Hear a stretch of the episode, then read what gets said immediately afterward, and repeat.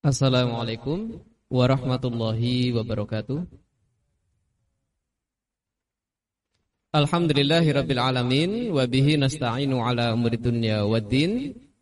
Asyhadu an la ilaha illallah wahdahu la syarikalah wa asyhadu anna Muhammadan abduhu wa rasuluh.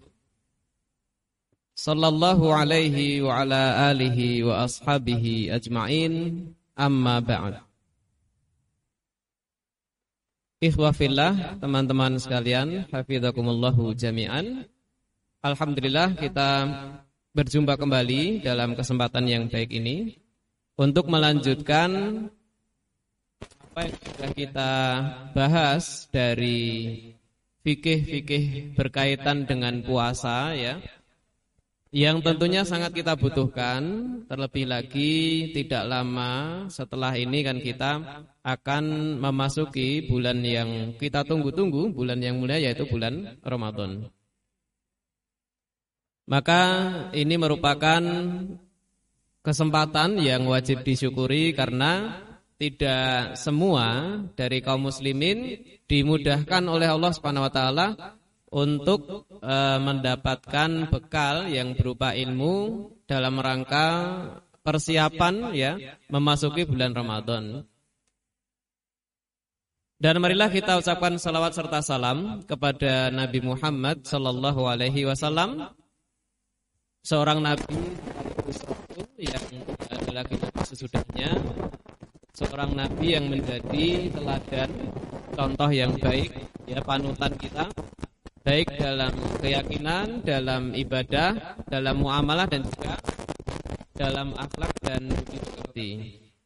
Insya Allah dengan kita mengikuti tuntunan-tuntunan Nabi dengan tulus ikhlas mengharap ridha Allah, di akhirat nanti kita mendapatkan syafaatnya dengan izin dari Allah Subhanahu Wa Taala.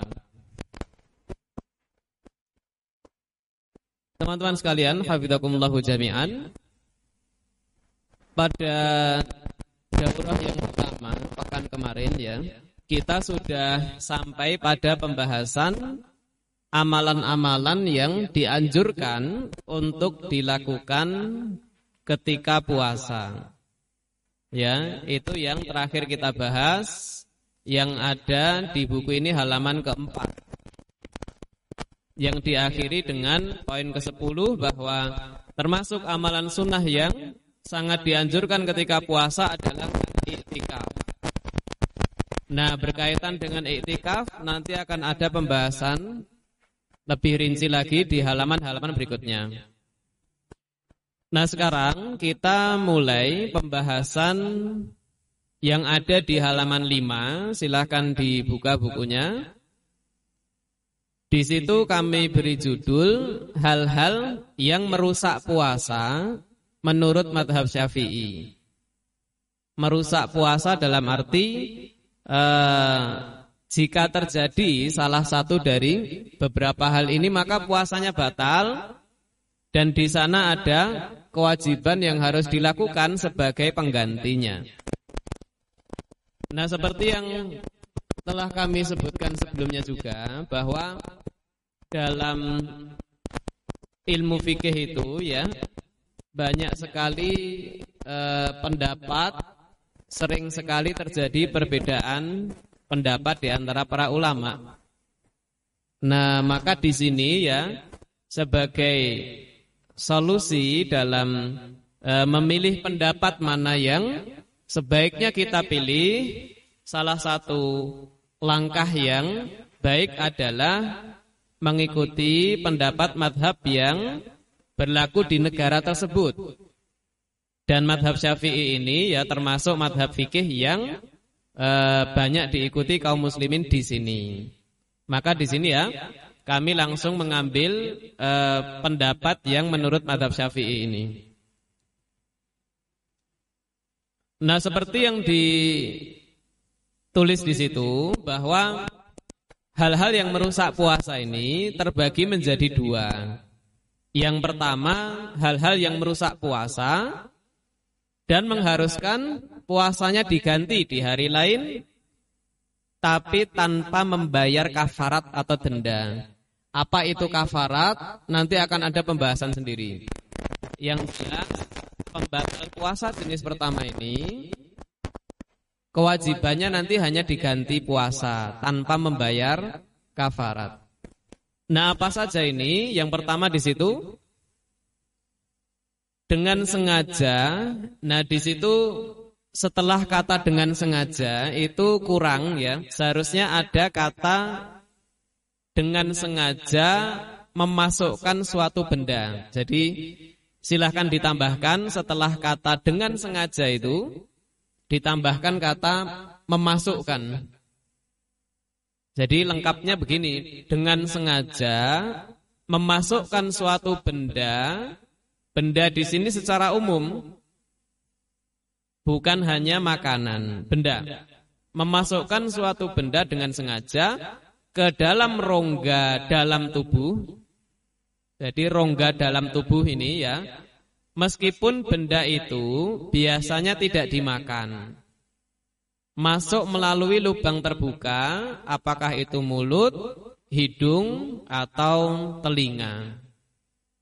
Nah ini e, nomor satu itu.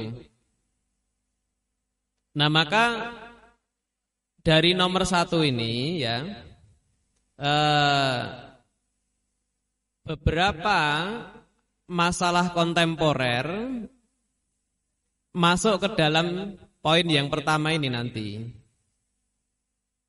Ya, di antaranya eh, seperti sekarang ini salah satu cara yang eh, cukup efektif untuk mengetahui apakah seseorang itu eh, terpapar virus COVID-19 atau tidak kan dengan eh, dilakukan apa yang diistilahkan dengan swab itu kan.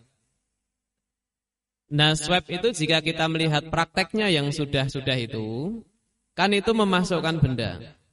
Dengan sengaja jelas. Nah masuk melalui salah satu lubang terbuka di sini Yang dalam kurung itu yaitu hidung. Nah maka eh, Sebagian ulama kita sudah ada yang membahas ini. Ya apakah swab ini kemudian e, membatalkan puasa atau tidak. Dilihat dari poin pertama ini ya, jelas itu masuk ke sini. Karena swab itu kan memasukkan ya benda kecil ke lubang hidung sampai menembus pangkal hidung itu. Nah, dari yang kami baca-baca ya, yang kami lihat di internet, ya ada dua pendapat ini. Berdasarkan madhab syafi'i otomatis itu membatalkan puasa. Sehingga seandainya ada di bulan Ramadan ini orang yang melakukan swab ya, maka puasanya batal. Oleh karena itu ada sebagian ulama kita yang membahas ini maka disarankan, disarankan jika memang terpaksa harus swab itu dilakukan ketika malam hari saja, dalam arti setelah buka puasa.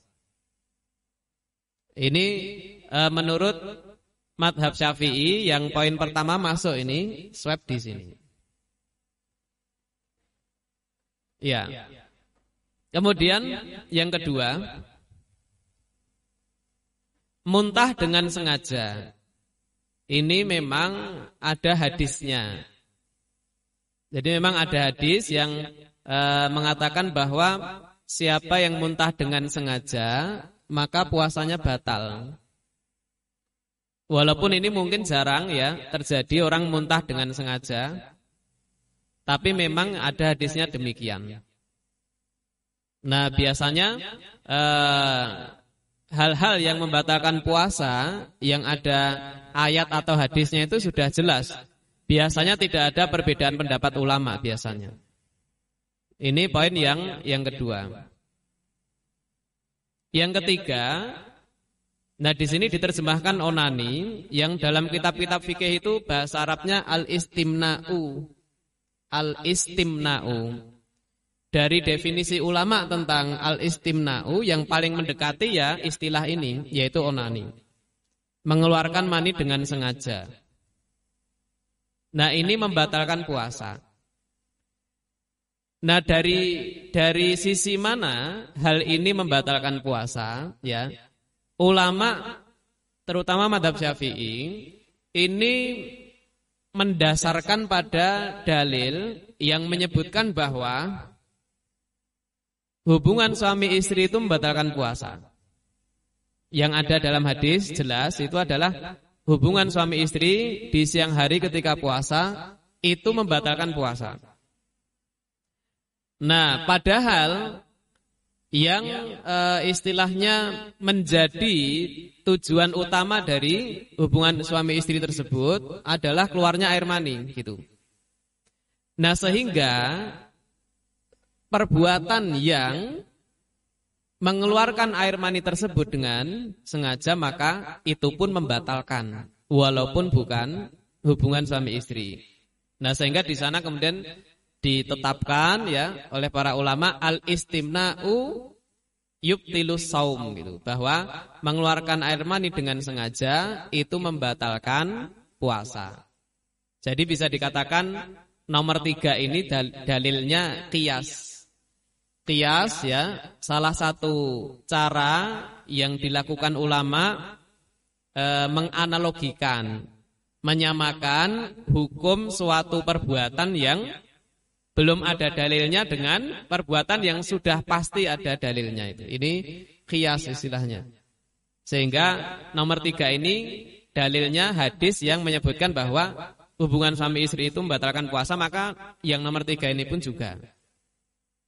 Ini e, penjelasan tambahnya itu.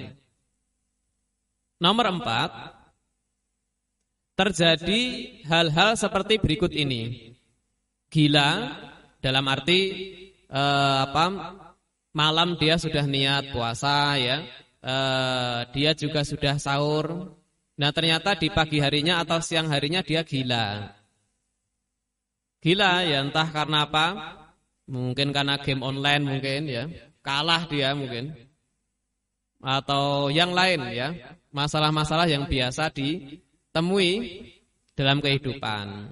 Ya, tapi tentunya sebagai seorang muslim eh, tidak mudah goyah seperti itu.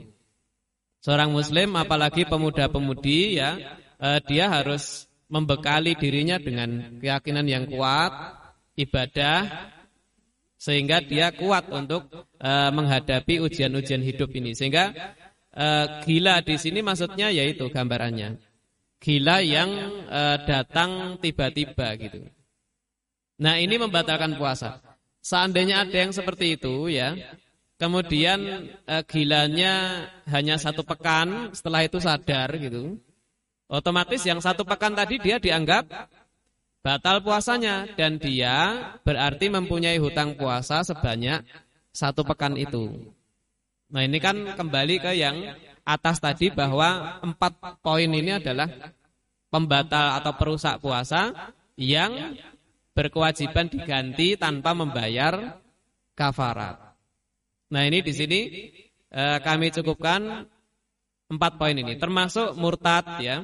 Dalam arti ini orang yang malam sudah niat, dia juga sudah sahur, kemudian di pagi harinya atau siang harinya dia kemudian murtad dalam arti keluar dari agama Islam.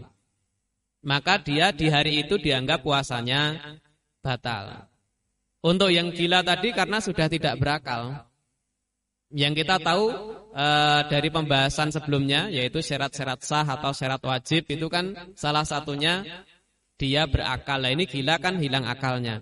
Adapun murtad kenapa puasanya dianggap batal karena e, orang yang melakukan kekafiran semua amal ibadahnya tidak diterima. Nah murtad ini kan termasuk salah satu bentuk kekafiran. Ya memang ini barangkali uh, jarang terjadi ya. Orang malamnya niat puasa kok paginya atau siangnya murtad barangkali jarang terjadi. Tapi memang dalam kitab fikih itu dibahas hal-hal yang istilahnya uh, iftirodi. Seandainya terjadi bagaimana nah itu. Hukumnya seperti ini. Tapi jika kita melihat hadis Nabi ya, terutama uh, yang membahas tentang istilahnya ujian-ujian berat di akhir zaman itu mungkin terjadi. Di antaranya sabda Nabi, eh, badirul badiru bil a'mal fitanan. Wahai kalian, segeralah beramal. Artinya jangan suka menunda-nunda amal soleh fitanan karena nanti akan ada fitnah-fitnah atau ujian-ujian hidup yang mana kata Nabi itu sampai bisa uh, yusbihur rajulu mu'minan wa yumsi kafira. Bisa karena beratnya ujian hidup di akhir zaman itu, di pagi hari orang beriman, di sore hari sudah kafir. Wa yumsi mu'minan wa yusbihu kafira. Sebaliknya, di sore hari uh, kafir, di pagi hari beriman lagi. Ini mungkin ya terjadi terutama di akhir zaman nanti. Nah, apakah kita sekarang sudah masuk akhir zaman atau belum? Yang jelas bisa saja terjadi. Ya ini tentang murtad. Begitu juga haid ya dan nifas ini khusus wanita. Artinya jika e, seandainya malam sudah niat, kemudian e, dia sudah sahur juga ya, kemudian di siang hari keluar darah haid dan sudah dipastikan memang ciri-ciri darahnya ya, perasaan e, kejiwaannya itu jelas ini haid, maka sudah dia dianggap batal puasanya dan nanti mengganti di hari lain gitu. Berikutnya yang kedua masih membahas tentang uh, hal yang merusak puasa. Bedanya di sini seperti ditulis di situ ya. Kedua, hal yang merusak puasa dan mengharuskan puasanya diganti di hari lain dan membayar kafarat. Jadi yang yang jenis kedua ini lebih berat. Konsekuensinya bukan hanya mengganti puasa tapi ditambah membayar kafarat. Yang kafarat nanti akan ada penjelasannya apa itu. Nah ini hanya satu. Yang di situ kami tulis poin kelima sebagai kelanjutan yang atasnya tadi kan empat. Nah ini yang kelima yaitu jima atau bersetubuh. Hubungan antara suami istri itu. Nah ini ada ketentuannya. Ini jika dia melakukannya dengan sengaja atas kehendak sendiri dan paham tentang keharaman perbuatan ini ketika puasa. Artinya, jika seandainya ada pasangan suami istri yang mungkin dia baru masuk Islam atau mu'alaf ya, atau dia tinggal di daerah, di negara yang informasi tentang hal ini itu tidak sampai ke mereka, sehingga mereka di siang hari bulan puasa melakukannya, ya tidak batal mereka puasanya. Nah maka di sini ada ketentuannya. Ini jika melakukan dengan sengaja, kehendak sendiri, dan paham tentang keharaman perbuatan ini ketika puasa. Nah ini dengan demikian ya selesai uh, pembahasan tentang hal-hal yang merusak puasa, terutama menurut madhab uh, syafi'i. Nah sebelum kita pindah ke pembahasan berikutnya Termasuk eh, masalah kontemporer yang berkaitan dengan ini Selain dari swab tadi ya Itu juga tentang suntikan itu Ini juga dibahas ulama kontemporer Apakah membatalkan puasa atau tidak gitu. Nah maka ulama memperinci ya Jika suntikannya itu adalah suntikan obat yang biasa disuntikkan di lengannya gitu misal. Nah, maka ini tidak membatalkan puasa. Jika suntikannya adalah obat. Nah, jika suntikannya itu ya istilahnya ghidaiyah menurut istilah ulama yaitu suntikan yang e, berupa zat makanan gitu. Nah ini yang membatalkan puasa. Jadi memang dibedakan itu. Nah kenapa suntikan yang eh, zat makanan ini dianggap membatalkan puasa? Karena dia disamakan dengan makan dan minum gitu. Jadi satu pembatal puasa yang jelas disepakati itu membatalkan kan makan dan minum kan gitu. Nah, sedangkan ini ada suntikan sifatnya ya, yang ketika disuntikkan ke tubuh seseorang itu dia kenyang gitu. dia tidak lapar lagi. Nah, berarti ini sangat mirip dengan ketika dia makan dan minum sehingga suntikan zat makanan ini membatalkan puasa. Begitu e, cara ulama berpikirnya tentang e, suntikan ini. Begitu juga di antara masalah kontemporer berkaitan dengan ini yaitu eh, apa yang dilakukan oleh penderita asma itu, ya, yang dia menghirup eh, ke hidungnya untuk melegakan tenggorokannya. Nah ini eh, ulama juga berbeda pendapat ya, tapi ada pendapat yang cukup kuat alasannya hal ini tidak membatalkan puasa, yaitu pelegak tenggorokan untuk penderita asma itu. Alasannya karena ini mau disamakan dengan makanan ya, ya tidak sama kan gitu. Kemudian dilihat dari zatnya ya dia berupa gas, dalam arti tidak ada apa? Tidak terlihat zatnya gitu loh. Sedangkan poin pertama tadi kan dengan sengaja memasukkan benda kan itu. Nah, maka ada ulama yang berpendapat seperti itu. Pelega tenggorok uh, pelega pernapasan untuk penderita asma itu tidak membatalkan puasa. Nah, ini. Ya, barangkali itu tambahannya. Kemudian kita bahas yang selanjutnya masih halaman yang sama, yaitu hal-hal yang tidak merusak puasa menurut madhab syafi'i. Yang pertama, Masuknya sesuatu ke rongga dalam tubuh yang tidak dapat dimuntahkan keluar mulut. Ini e, sebetulnya ada sesuatu yang masuk ke rongga dalam tubuhnya, masuk ke lambungnya misalnya. Cuman ini di luar kuasanya, di luar kehendaknya. Sangat sulit untuk dihindari. Nah, apa contohnya dalam kurung di situ? Misalnya dahak. Ya termasuk air ludah kan itu. Maka eh, tidak perlu ketika puasa itu kita sering sering meludah itu nggak perlu.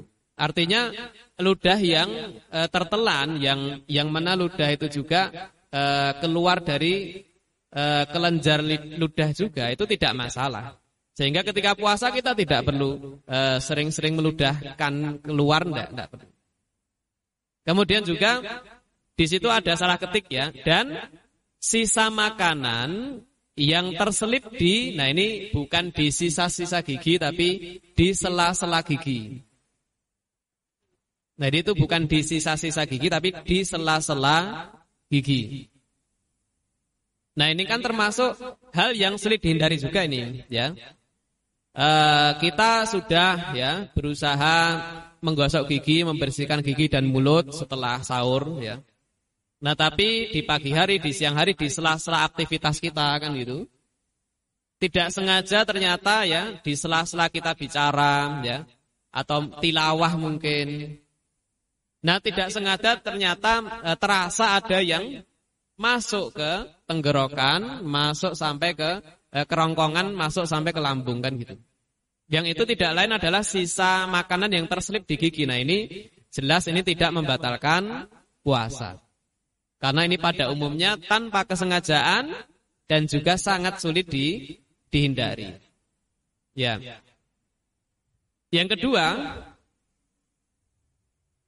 ini hampir sama, masuknya sesuatu ke rongga dalam tubuh yang sangat sulit dihindari. Misalnya debu jalanan. Ini uh, ya artinya kita kan pastinya beraktivitas dan pastinya aktivitas kita kan tidak hanya di dalam rumah, ya kan? Tidak jarang kita ketika puasa di luar rumah, di jalan apalagi, naik kendaraan motor apalagi, sepeda ya. Nah itu kan ketika kita bernafas atau ketika kita ngobrol dengan orang lain, itu kan sedikit banyak debu jalanan itu masuk ke mulut itu. Baik kita tahu atau tidak.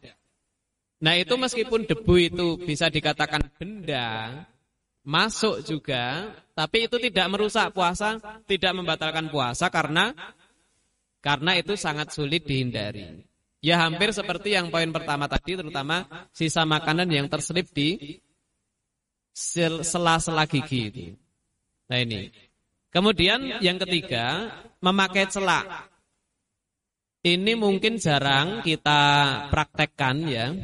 Tapi seandainya ada pun biasanya wanita, maka di siang hari dia mau pakai celak mata tidak masalah. Dalam arti tidak membatalkan puasanya.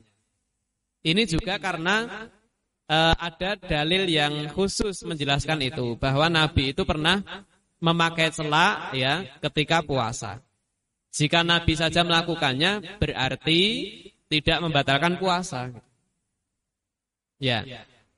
Nah, maka tadi jika kita lihat pembahasan yang awal tadi ya, ukuran benda yang masuk ke dalam lambung bisa dikatakan, dikatakan membatalkan tuh jika sengaja dimasukkan atau jika dia memasukkan benda tadi melalui mulut atau hidung atau telinga. Nah, mata tidak disebut tadi. Nah, sehingga orang yang e, memakai tetes mata ketika puasa juga tidak batal puasanya. Tapi orang yang memasukkan tetes ke hidungnya, tetes ke telinganya, nah ini membatalkan puasa. Maka dibedakan ya, karena celak itu kan di mata. Nah, ini ini pembahasan tambahan tadi. Kemudian yang keempat, bekam ini juga tidak membatalkan puasa. Nah, kenapa dibahas juga oleh ulama tentang bekam ini? Karena ada hadis, ya ada hadis yang mengatakan aftara al-hajimu wal mahjum.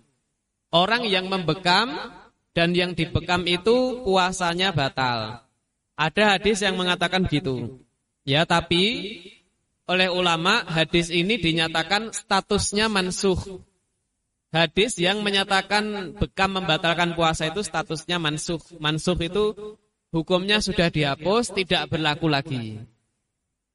Nah, yang berlaku hadis yang baru yang menceritakan bahwa Nabi Muhammad Shallallahu Alaihi Wasallam pernah dibekam ketika beliau puasa. Artinya Nabi saja pernah dibekam ketika puasa dan tidak membatalkan puasa berarti bekam itu tidak merusak ibadah puasa. Nah ini poin keempat itu. Yang kelima bersiwak, ya ini membersihkan gigi, membersihkan mulut dengan apa e, akar pohon siwak itu yang dijual juga di pasaran ya di toko-toko herbal biasanya. Ini juga tidak membatalkan puasa. Ini dibahas karena kan e, barangkali orang memahami dengan bersiwak itu kan otomatis dia memasukkan benda ke mulutnya kan gitu. Tapi jika dilihat lebih dalam lagi itu ya tidak sampai masuk ke lambung kan gitu. Nah ini tentang e, siwak. Biasanya yang disamakan dengan siwak ini sekarang ini itu ya menggosok gigi itu. Menggosok gigi dengan pasta gigi itu. Itu biasanya oleh ulama kontemporer disamakan dengan nomor lima ini. Jika bersiwak dikatakan ini tidak membatalkan puasa, maka menggosok gigi pun tidak membatalkan puasa. Ya tetap kita hati-hati ya, tetap hati-hati eh, ketika menggosok gigi jangan sampai ada air yang yang masuk. Yang penting kan kita saat menggosok gigi pun niatnya kan memang tidak untuk istilahnya e, mencuri-curi kesempatan untuk minum kan enggak juga. Itu kan niat kita jelas membersihkan gigi dan dan mulut. Ya, ini poin kelima. Nah, di situ ada catatan ya, terutama ini catatannya berkaitan dengan bekam dan menggosok gigi tadi. Bekam meskipun tidak merusak puasa, jika memang tidak perlu dibekam, sebaiknya dihindari ketika puasa. Artinya uh, ulama madhab syafi'i terutama itu memang memakruhkan memakruhkan bekam ketika puasa. Makruh di sini bukan berarti membatalkan tidak. Makruh itu sebaiknya dihindari gitu. Artinya seandainya di bulan Ramadan ini ada yang berniat untuk bekam, ya sebaiknya di malam hari setelah buka puasa supaya tidak melakukan hal yang makruh gitu. Ya barangkali eh, kenapa ini dianggap makruh karena e, orang yang dibekam itu ya pasti fisiknya juga akan akan mengalami sedikit apa e, berkurang staminanya. Yang dikhawatirkan nanti mengganggu e, istilahnya e, kekhusyuan dia saat puasa. Barangkali itu kenapa kemudian dikatakan makruh gitu. Nah, kemudian catatan berikutnya, bersiwak setelah waktu sholat duhur hendaknya dihindari.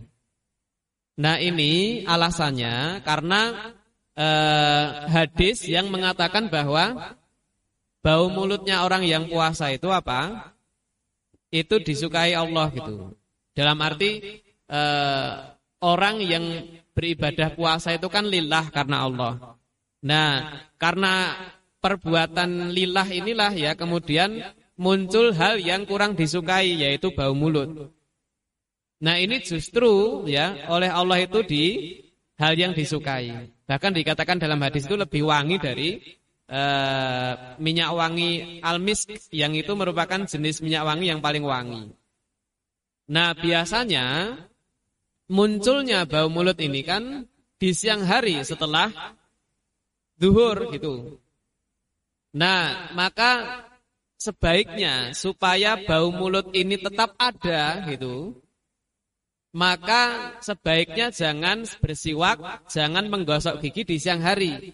Karena nanti bau mulutnya hi, hilang, itu mengurangi pahala berarti. Walaupun tidak membatalkan puasa. Ini kenapa e, kemudian bersiwak setelah waktu duhur itu hendaknya dihindari supaya tidak menghilangkan bau mulut yang itu disukai Allah itu. Paham ini maksudnya ya? Nah, sehingga eh, bersiwak di pagi hari itu tidak masalah sama sekali. Menggosok gigi di pagi hari tidak masalah sama sekali karena di pagi hari bau mulut juga belum muncul biasanya. Nah, kemudian terakhir di situ kalimat terakhir kecuali ada kondisi yang cukup mendesak untuk bersiwak setelah duhur ya boleh, tidak masalah. Nah, contoh hal yang mendesak sehingga tidak masalah kita bersiwak di siang hari ya misalnya Eh, kita kedatangan tamu misalnya. Yang mana eh, dikhawatirkan ketika kita eh, menyambut tamu kita itu ya dengan kondisi bau mulut kita mengganggu mereka. Nah, oleh ulama ahli itu berarti daripada mengganggu mereka, ya tidak masalah kita menggosok gigi dalam rangka menghilangkan bau mulut. Ini pengecualian. Nah jika tidak ada tamu ya, kita ya saat itu di rumah kan gitu. Nah maka sebaiknya tidak menggosok gigi setelah sholat duhur kan. Nah maka berkaitan dengan bersiwak atau menggosok gigi ini ya paling bagusnya setelah sahur itu. Setelah sahur ya, eh, sebelum sholat subuh itu itu yang paling bagusnya itu. Nah nanti ketika ada tamu, ada perlu apa yang kaitannya dengan orang lain, kita khawatir mengganggu mereka dengan bau mulut kita, tidak masalah kita menggosok gigi. Ini yang dimaksud di catatan itu. Ya. Berikutnya lihat halaman yang keenam. Nah ini pembahasan tentang kafarat tadi. Tadi sudah diketahui ya bahwa kafarat ini adalah semacam denda yang harus dibayarkan, yang harus ditunaikan oleh suami istri yang di siang hari sengaja melakukan hubungan badan tadi. Selain dia wajib mengganti puasanya di hari yang lain. Kan itu tadi.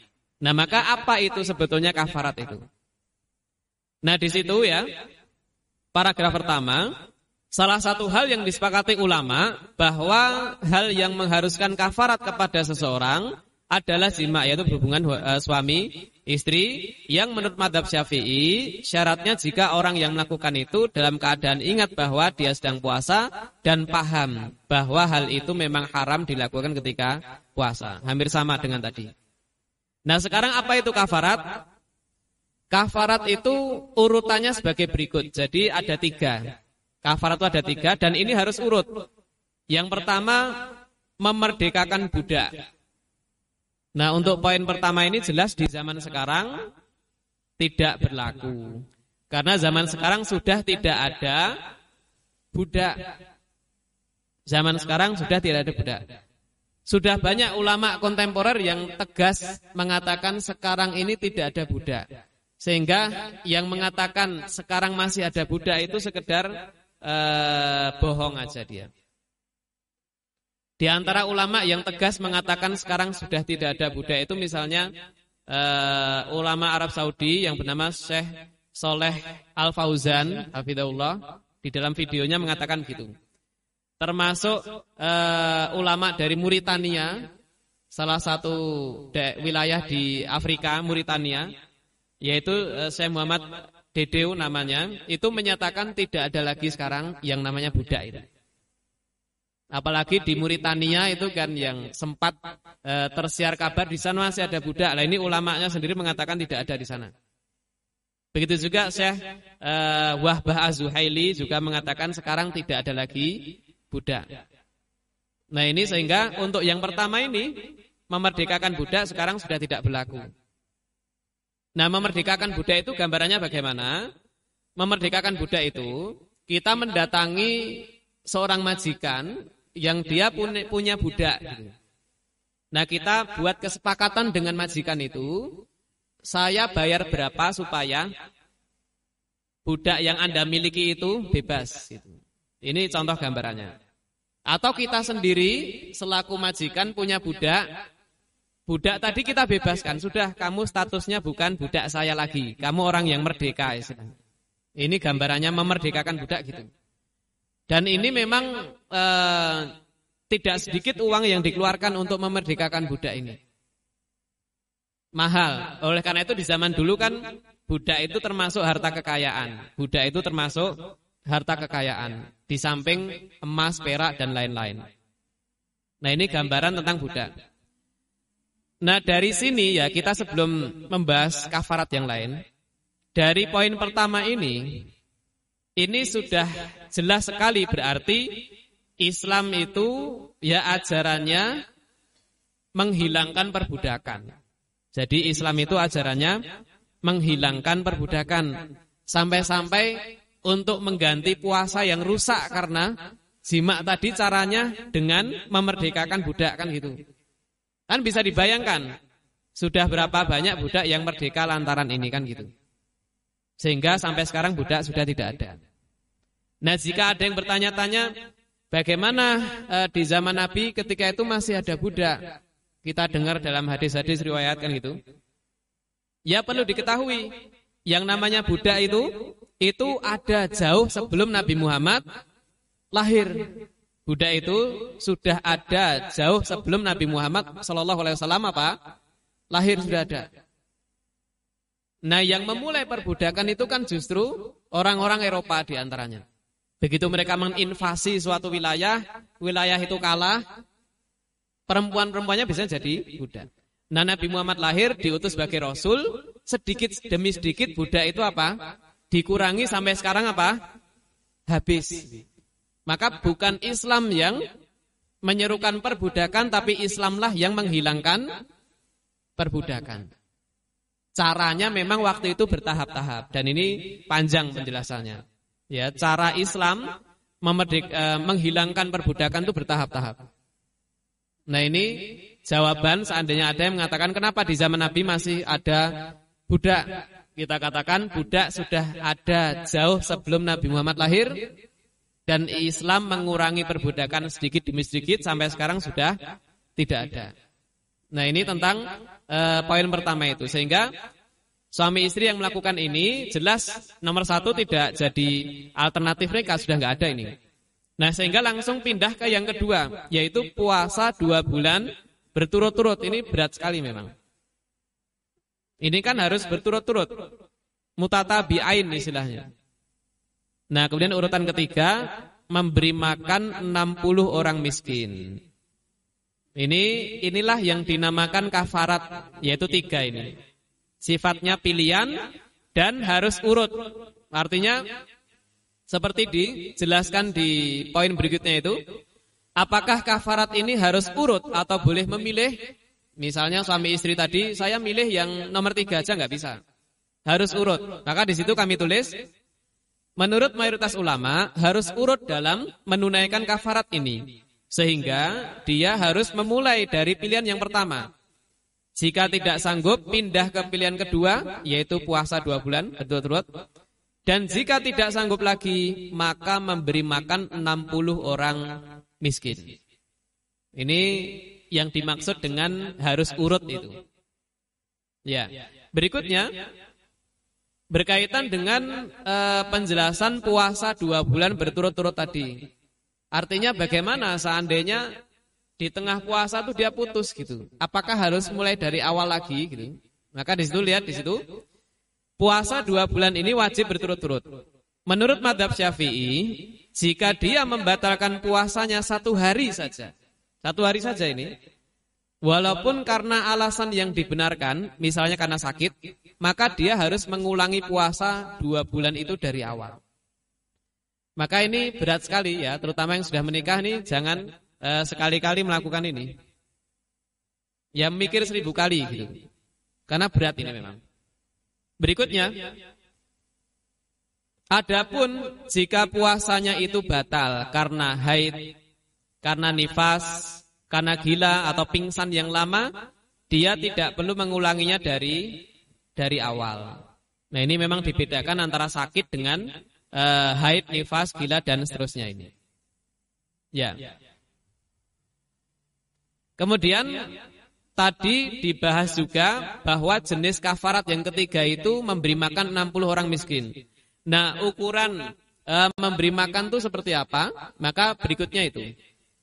Ukuran makanan yang diberikan kepada 60 orang miskin menurut mayoritas ulama setiap satu orang miskin diberi gandum sebanyak satu mut atau setengah sok kurma atau jawawut yaitu sejenis gandum. Di sini yang disebutkan gandum ya, kurma. Ini memang dalam kitab-kitab fikih kan e, menyesuaikan apa yang ada di zaman Nabi dulu biasanya.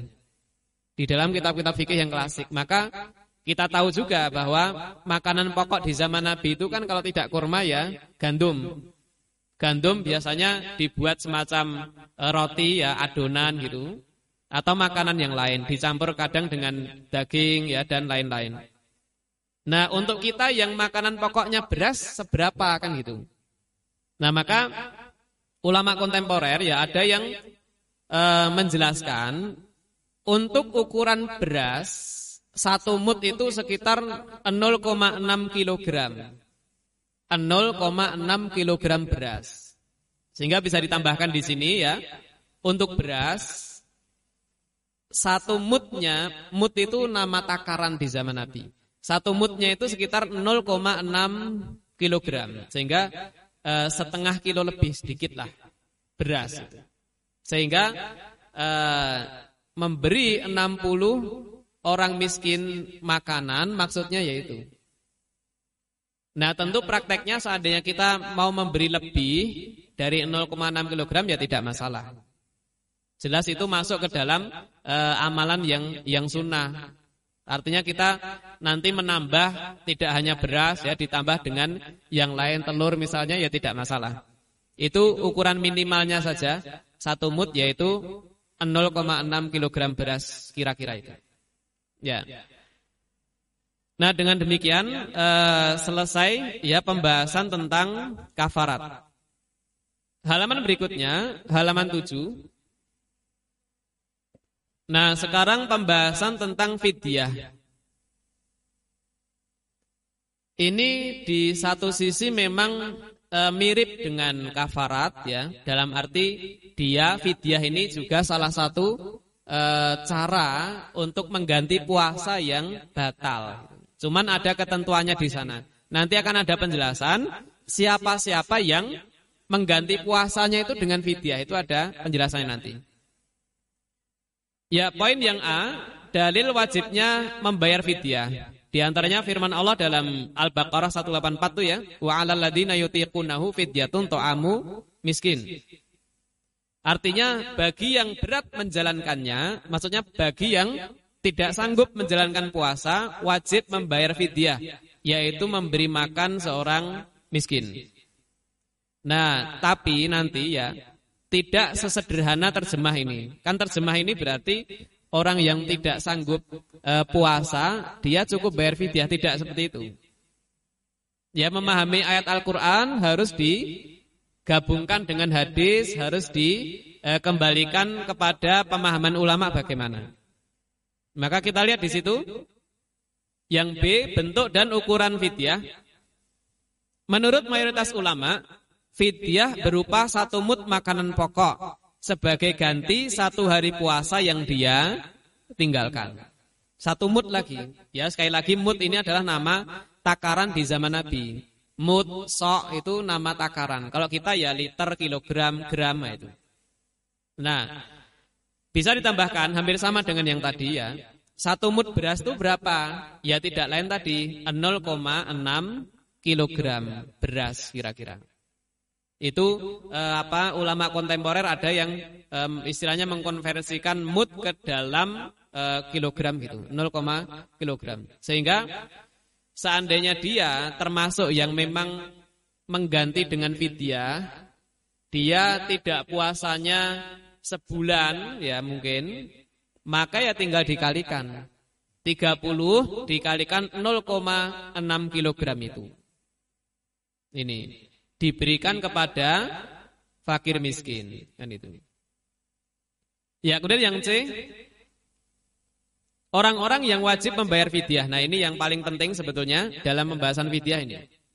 Yang pertama, tidak sanggup puasa karena tua rentan. Ini eh, jadi yang dimaksud di ayat tadi dan bagi orang yang berat menjalankannya di antaranya orang yang tidak sanggup karena usia tua rentan. Walaupun ini tidak berlaku untuk semua orang tua memang karena prakteknya ada manula yang dia tetap kuat puasa. Nah seandainya ada para manula yang sudah tidak sanggup lagi puasa, nah dia menggantinya dengan membayar fidyah ini. Kemudian yang kedua, tidak sanggup puasa karena sakit yang tidak punya harapan untuk sembuh. Dalam kitab-kitab fikih disebutnya begitu. Jadi eh, istilahnya al-marad alladzi la yurja buruhu sakit yang sudah tidak diharapkan kesembuhannya itu. Kadang diterjemahkan dengan uh, sakit menaun gitu. Atau yang semisalnya. Nah, jika ada orang yang sakitnya jenis seperti ini, nah maka dia menggantinya jelas tidak puasa di hari lain, dia tidak sanggup. Nah, dengan membayar fidyah. Yang ketiga, ini yang ketiga ini sempat kita bahas dulu ya, ketika membahas uh, orang yang hamil atau menyusui yang tidak puasa. Nah ini kita ulang lagi. Yaitu wanita hamil dan menyusui yang tidak puasa karena khawatir terhadap bayi mereka. Selain membayar fidyah, mereka juga wajib mengganti puasa di hari lain menurut pendapat mayoritas ulama. Kan dulu sudah dirinci ya. Wanita hamil atau menyusui yang dia memang tidak puasa itu ada dua model atau dua jenis. Dia tidak puasanya itu karena mengkhawatirkan bayinya. Nah ini kewajibannya dua. Fidyah ini ditambah mengganti puasa di hari lain. Tapi jika wanita yang hamil atau menyusui tidak puasanya itu karena mengkhawatirkan dirinya saja, maka kewajibannya cuma mengganti puasa di hari lain. Ini sudah kita bahas dulu. Dan yang penting di sini adalah seperti yang sudah dibahas dulu ya, wanita hamil atau menyusui untuk menentukan e, membahayakan dirinya atau bayinya atau tidak itu bisa dengan beberapa cara. Yang pertama dengan konsultasi ya. Dalam arti konsultasi dokter kandungannya. Jika saya puasa di bulan ini bagaimana? Atau dengan e, pengalaman sebelumnya ya terutama bagi yang pernah hamil beberapa kali. Nah dulu gimana? Saya itu kuat puasa enggak kan gitu. Jika kuat ya tidak masalah berarti. Jika memang dulu pernah itu nyoba eh, hamil pertama ternyata kewalahan ya hampir pingsan, oh berarti sekarang pun kemungkinan kayak gitu gitu. Ini ini eh, cara untuk wanita hamil itu menyusui eh, hamil atau menyusui puasa atau tidak gitu. Jadi e, kenyataannya wanita hamil atau menyusui ini kan ada yang kuat juga.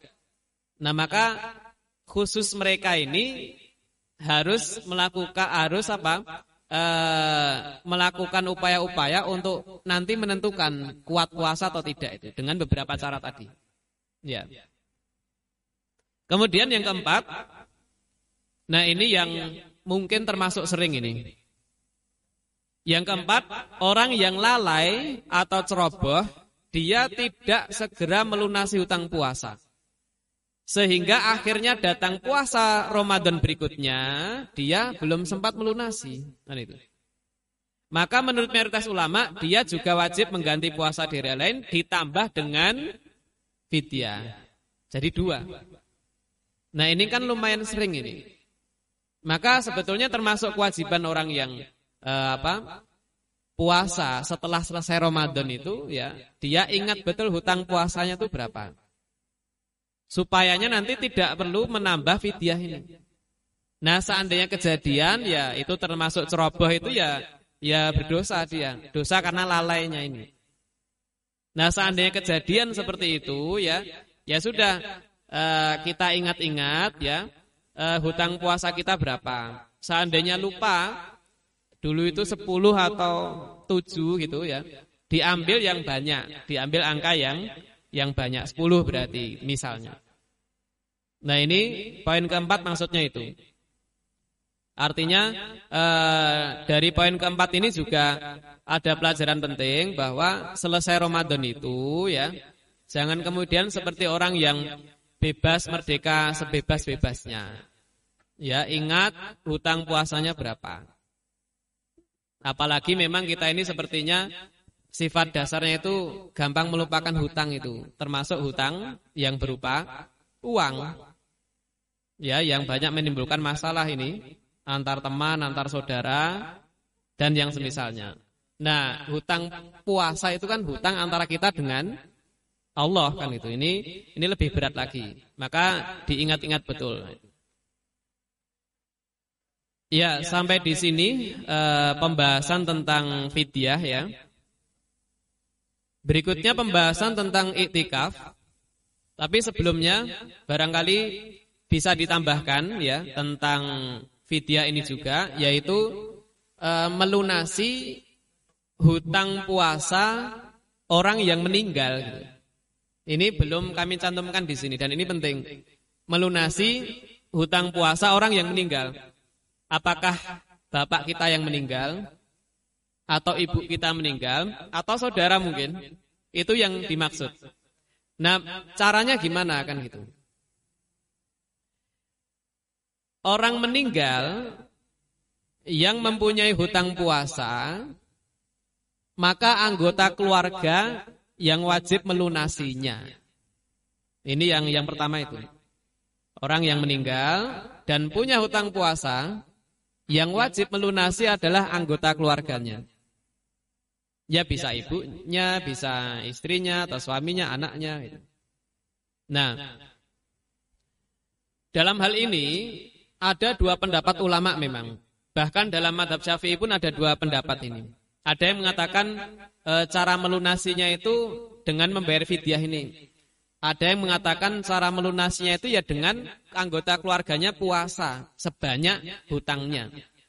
Nah yang kedua ini pendapat yang dipilih oleh Imam Nawawi. Artinya uh, orang yang meninggal dan punya hutang puasa, maka kita sebagai anaknya, kita sebagai pasangan hidupnya itu yang melunasi.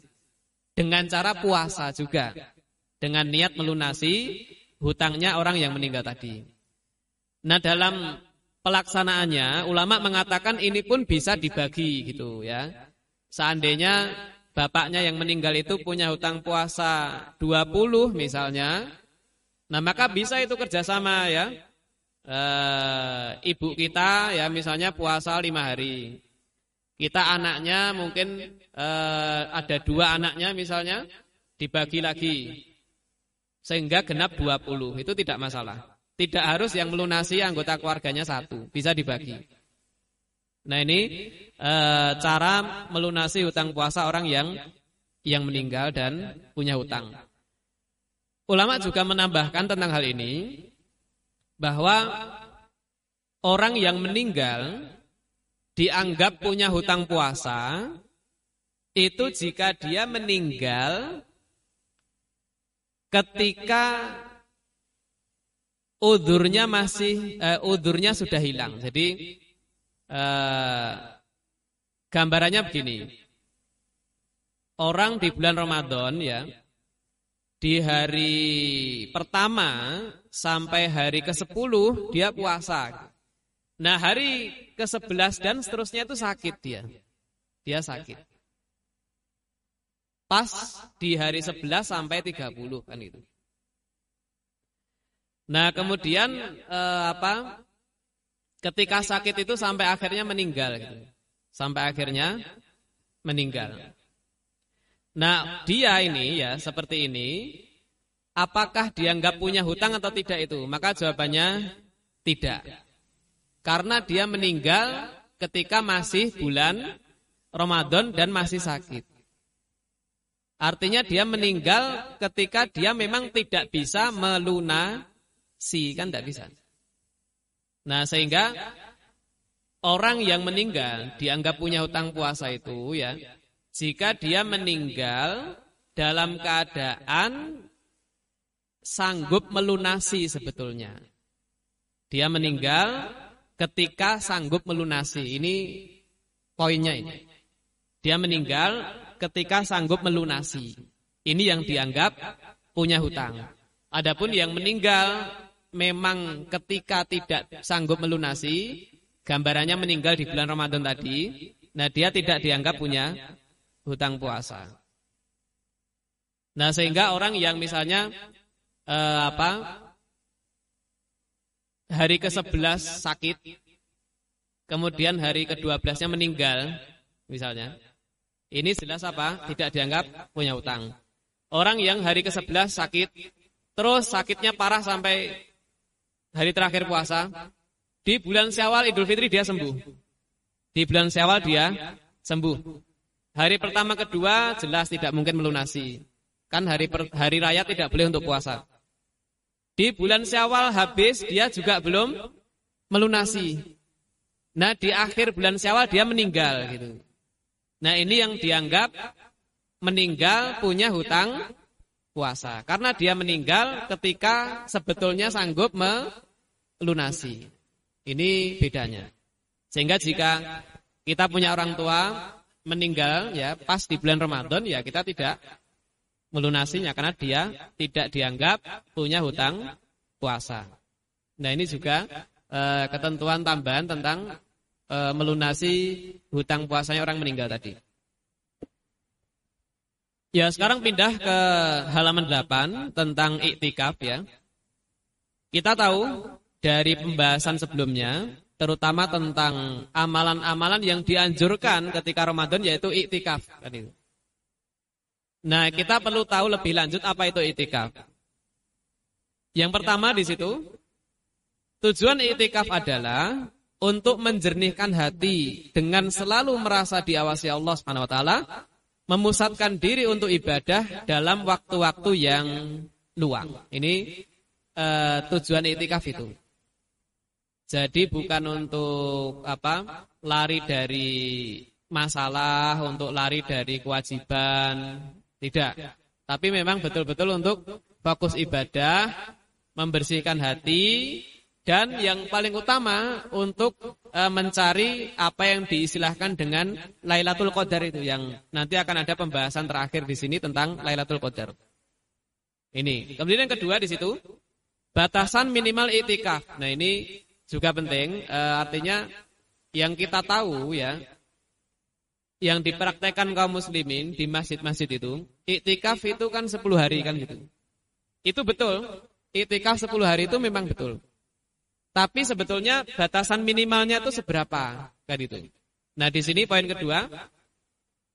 Mayoritas ulama memandang iktikaf itu sah dilakukan dalam tempo yang singkat. Sejam dua jam, tiga jam itu sah saja. Di antara dalilnya ketika itu Umar bin Khattab radhiyallahu anhu, dia e, ketika masih jahiliyah dulu itu sempat bernadar sempat bernadar mau iktikaf gitu. Nah, begitu Umar masuk Islam ya, dia ingat nyala lagi. Barangkali ini kita manfaatkan untuk tanya jawab. Ya, sebelum nanti lanjut ke sesi berikutnya. Nah, silahkan dari peserta ikhwan maupun akhwat jika ada pertanyaan bisa disampaikan. Ya, silakan.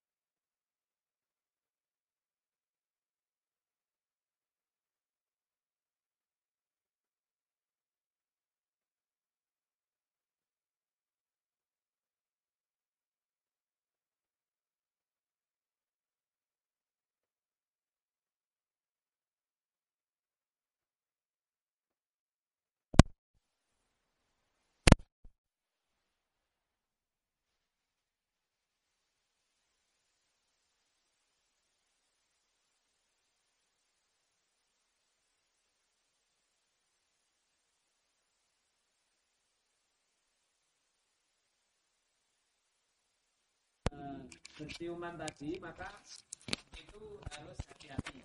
Karena bisa saja membatalkan puasa dari sisi itu masuknya air hujan. Nah ini. Maka dalam kitab fikih juga dibahas bahwa secara umum memang eh, apa berciuman itu tidak membatalkan puasa.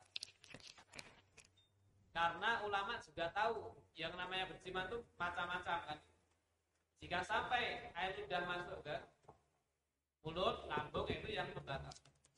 Itu itu uh, perinciannya. Ya. Kemudian berkaitan orang yang sudah balik dalam arti dia artinya sudah wajib puasa kan. Kemudian bertahun-tahun tidak puasa karena uh, mungkin ya dia belum dapat hidayah kan itu. Jelas ini ulama mengatakan dia tidak mungkin untuk e, mengganti se semua yang dia tinggalkan itu entah entah berapa tahun itu. Maka dia telah melakukan dosa besar jelas karena dia telah meninggalkan dengan sengaja salah satu rukun Islam. Nah, maka kewajiban dia ya bertobat saja. Bertobat dipenuhi syarat-syarat sah tobat ya.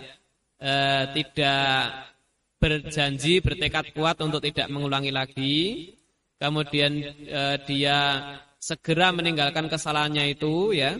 Kemudian tahun berikutnya dia uh, puasa.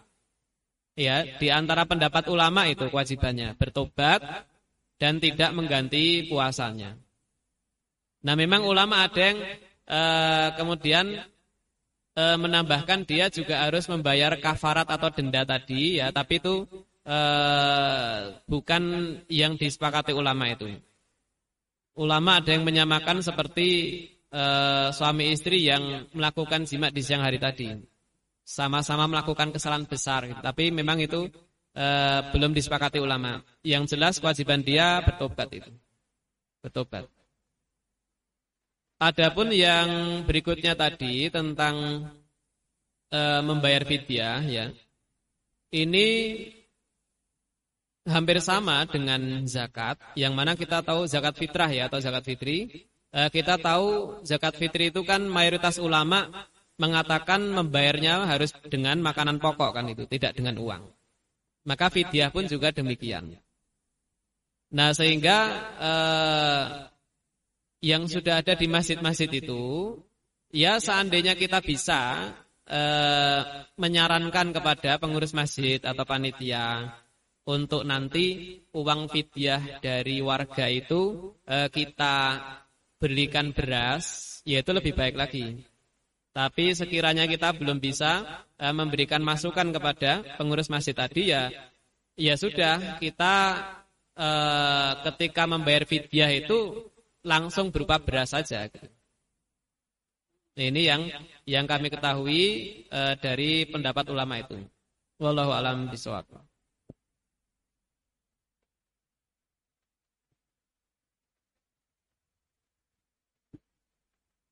Ya, pertanyaan yang lainnya.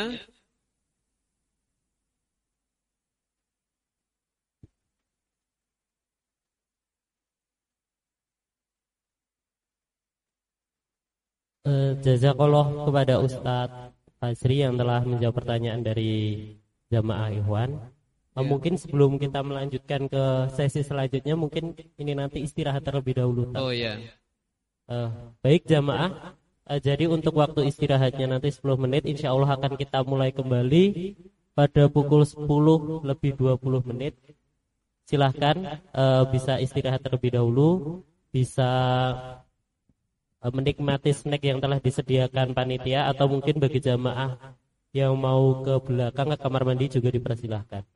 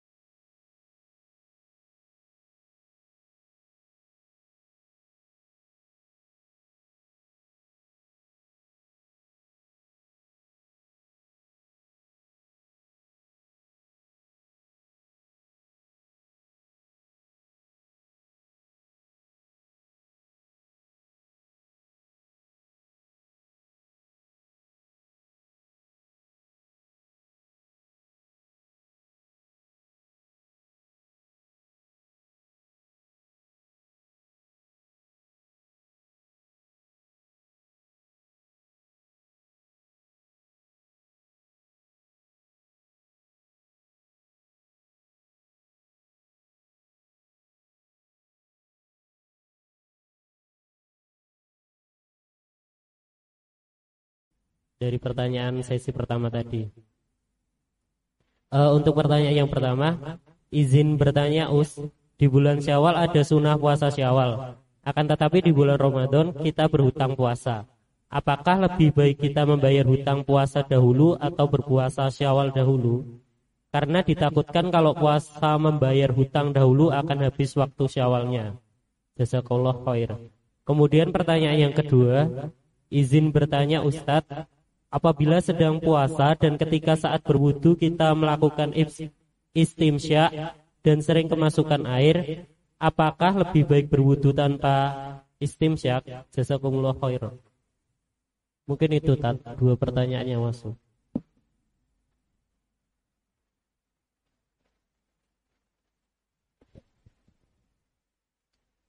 Iya, berkaitan dengan yang kedua dulu, yaitu tentang al-istinsyak atau menghirup air ke hidung saat wudhu itu memang eh, kedudukannya termasuk sunnah-sunnah wudhu termasuk sunnah-sunnah wudhu nah pertanyaannya ketika puasa itu apakah sebaiknya tidak istinsyak hanya berkumur-kumur saja atau tetap beristinsyak tapi dengan tetap hati-hati gitu. Nah, maka jawabannya eh, hendaknya tetap beristinsyak tapi hati-hati. Artinya menghirup airnya itu jangan terlalu eh, kuat sehingga insya Allah tidak akan masuk itu air ke lambung melalui lubang hidung. Karena eh, ada hadis yang khusus seperti itu. Ya Nabi mengatakan dalam sabdanya Balik fil istinsyak Balik fil istinsyak Kamu sungguh-sungguhlah ketika istinsyak Illa antakuna iman Kecuali ketika kamu Dalam kondisi puasa Maka istinsyaknya ya Jangan kuat-kuat. Nah sehingga Insya Allah tidak masalah. Dan sebaiknya ini Yaitu tetap istinsyak Tapi tetap hati-hati menghirup air ke hidungnya tidak, jangan terlalu kencang. Karena selain sunnah wudhu, ini juga e, berfaedah untuk membersihkan e, lubang hidung kita dari kotoran-kotoran yang masuk e, melalui udara. Sehingga tetap istinjak saja, hanya tidak perlu e, terlalu dalam ketika menghirup. Adapun tentang e, mendahulukan melunasi puasa atau puasa Syawal ya, maka ada perinciannya. Jika uh, dia hutang puasanya sedikit, hanya dia punya hutang lima misalnya. Nah ini insya Allah melunasi dulu, kemudian puasa Syawal. Sebaiknya gitu. Adapun bagi yang hutangnya banyak ya, 20 hari mungkin. Nah, seandainya dia puasa Syawal dulu tidak masalah itu insya Allah. Karena eh, pertimbangan puasa sunnah Syawal itu waktunya terbatas. Hanya di bulan Syawal. Itu juga sudah dikurangi dua hari, yaitu hari raya yang pertama dan kedua biasanya juga tidak mungkin puasa. Nah itu perinciannya. Jika hutangnya sedikit, ya lunasi dulu. Tapi jika hutangnya banyak, ya puasa syawal dulu insya Allah tidak masalah. Begitu juga karena kesempatan untuk melunasi puasa itu panjang memang. Panjang. Dan insya Allah eh, sedikit menunda melunasi hutang puasa karena dia ingin syawal itu insya Allah tidak masalah. Nah sehingga dilihat juga uh, dilihat juga hutangnya berapa, sedikit atau banyak. Ini khusus wanita juga uh, ada perinciannya lagi kan. Seandainya dia uh, hutangnya sedikit, kemudian kan dia punya jadwal haid kan gitu. Jika dia perkirakan ya, seandainya melunasi dulu tidak sempat nanti puasa Syawal ya, ya puasa Syawal dulu tidak masalah. Ini khusus wanita yang uh, punya jadwal khusus itu. Ya.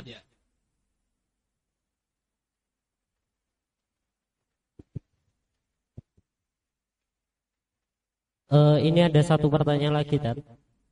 Uh, eh, yakni hidung sering hidung sering kering. Biasanya kalau tidak puasa memasukkan air ke hidung lalu dikeluarkan kembali atau seperti berwudu atau menempelkan kapas yang telah diberi air es dalam kondisi puasa apakah diperbolehkan tak? Yaitu uh, karena lubang hidung ini termasuk lubang yang menuju ke lambung ya. Maka jika tidak ada alasan yang cukup mendesak sebaiknya jangan. Kalau wudhu tadi kan memang ada alasan yang yang perlu memang dalam rangka melengkapi kesempurnaan wudhu kan gitu istinsyak. Nah ini kan berarti sekedar uh, mungkin risih saja ya dengan hidungnya yang kering itu ya. Maka ya kalau untuk sampai uh, memasukkan kapas tadi sebaiknya jangan. Tapi mungkin sekedar misalnya uh, ya membasahi jari kemudian dimasukkan sedikit ya mungkin tidak masalah. Karena kapas tadi dikhawatirkan ya dikhawatirkan uh, apa ada yang menetes masuk ke uh, lubang hidung tembus ke apa pangkal hidung lalu masuk dikhawatirkan itu. Sehingga jika hanya sekedar ya sekedar sedikit risih saja dengan hidung yang kering ya sebaiknya dihindari. Allahu a'lam uh, jazakallah tat atas jawabannya. Uh, mungkin bisa dilanjutkan dengan pembahasan tadi yang sempat uh, terjeda istirahat. Iya. Ya kita mulai kembali di sesi kedua ya. Terakhir uh, membahas tentang iktikaf. Terutama tadi yang dibahas terakhir adalah uh, batas minimal iktikaf ya.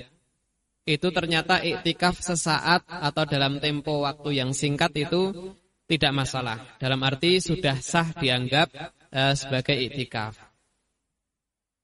Nah, apa yang dilakukan kaum muslimin 10 hari iktikaf itu itu memang dalam rangka mencontoh Nabi Muhammad Shallallahu Alaihi Wasallam yang dalam prakteknya memang Nabi itu iktikafnya 10 hari terakhir di bulan Ramadan.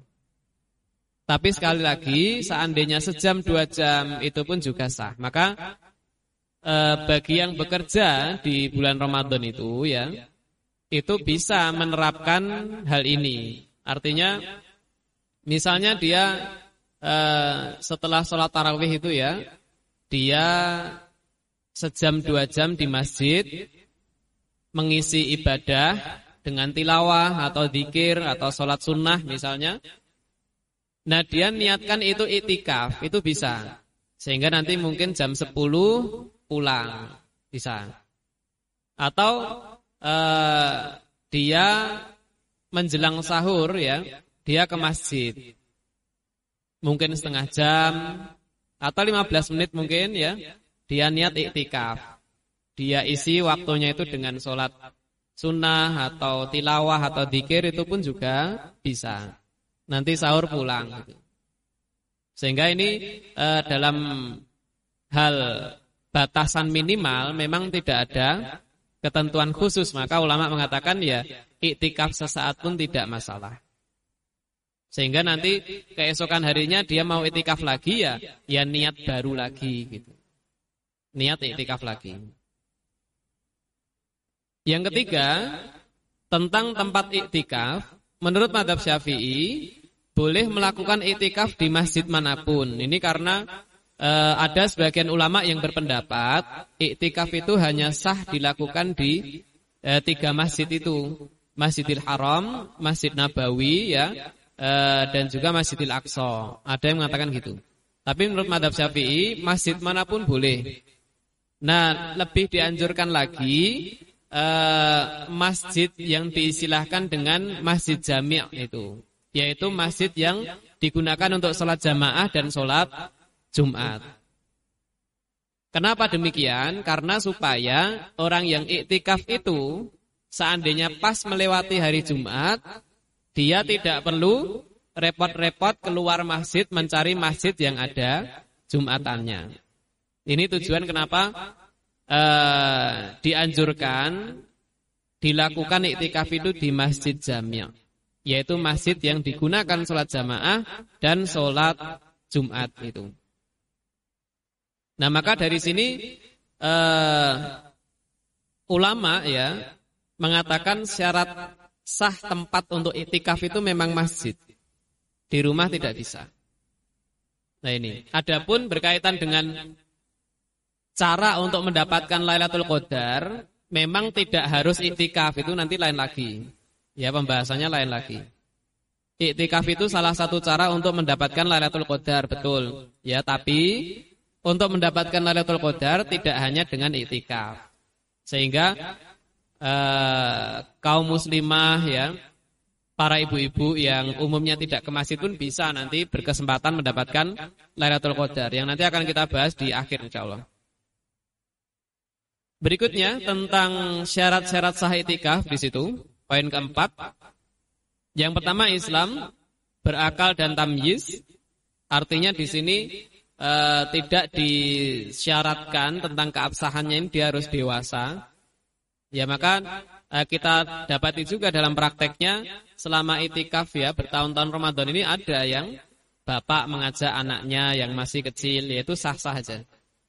Kemudian bertempat di masjid ini jelas, kemudian niat ini jelas niat ini kan dia tentukan nanti. Saya ini iktikafnya berapa jam gitu. Jika niatnya sejam ya harus sejam itu tidak keluar masjid kan gitu. Iktikafnya 10 hari ya berarti nanti sampai 10 hari itu.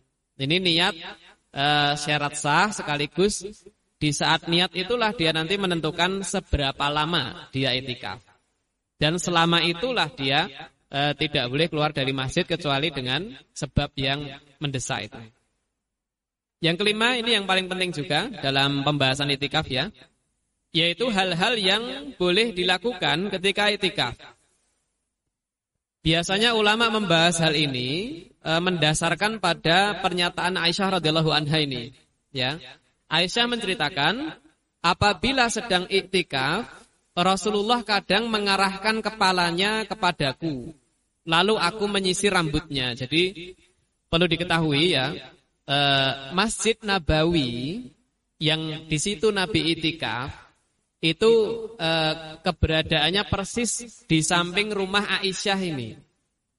Nabi kan mempunyai istri beberapa. Nah, masing-masing istri kan diberi rumah.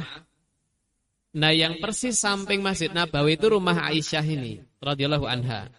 Nah, kenapa tadi Aisyah bisa mengatakan eh, ketika Nabi itikaf itu Nabi mengarahkan kepalanya kepadaku lalu aku menyisir. Itu artinya Nabi mengarahkan mengeluarkan kepalanya lewat e, semacam jendela masjid. Jadi ada jendela kamar Aisyah, ada jendela masjid bersampingan. Nah ini gambarannya seperti itu.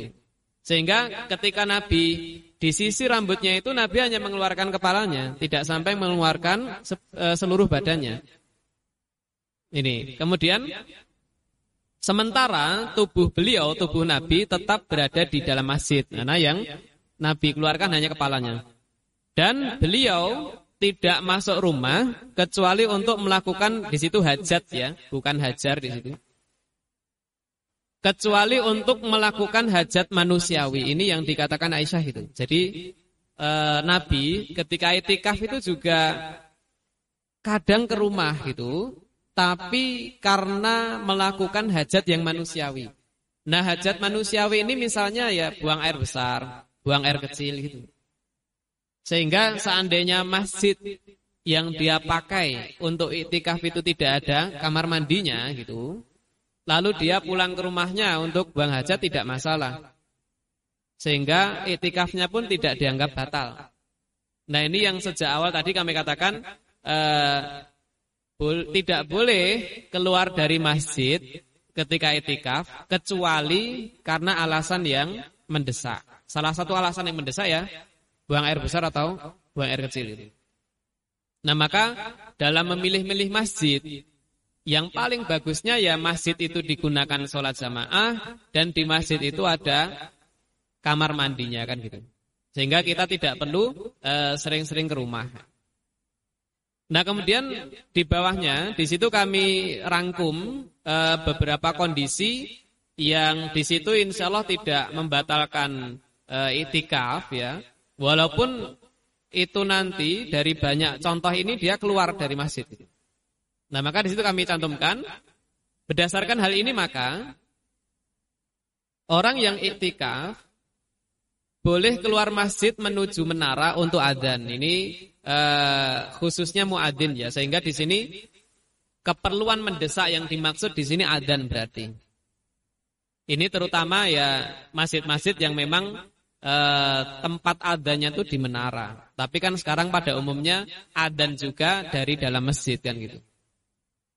Kemudian yang kedua, orang yang itikaf boleh pergi ke rumahnya untuk makan dan minum jelas. Maka uh, iktikaf yang diadakan uh, panitia dari masjid-masjid tertentu itu kan mereka dalam rangka memudahkan kemudian menyediakan makan, minum dan seterusnya kan gitu.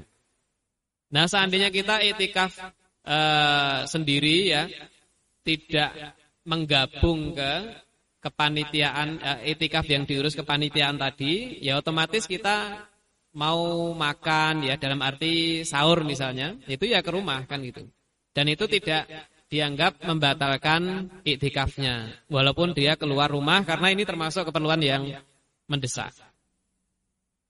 Kemudian orang yang itikaf boleh keluar masjid untuk buang hajat ini jelas. Jika orang yang itikaf sakit berat dan butuh perawatan, boleh keluar masjid untuk dirawat dan iktikafnya dianggap tidak batal. Kemudian, jika orang yang iktikaf pingsan, lalu dibawa keluar masjid, maka iktikafnya tidak batal.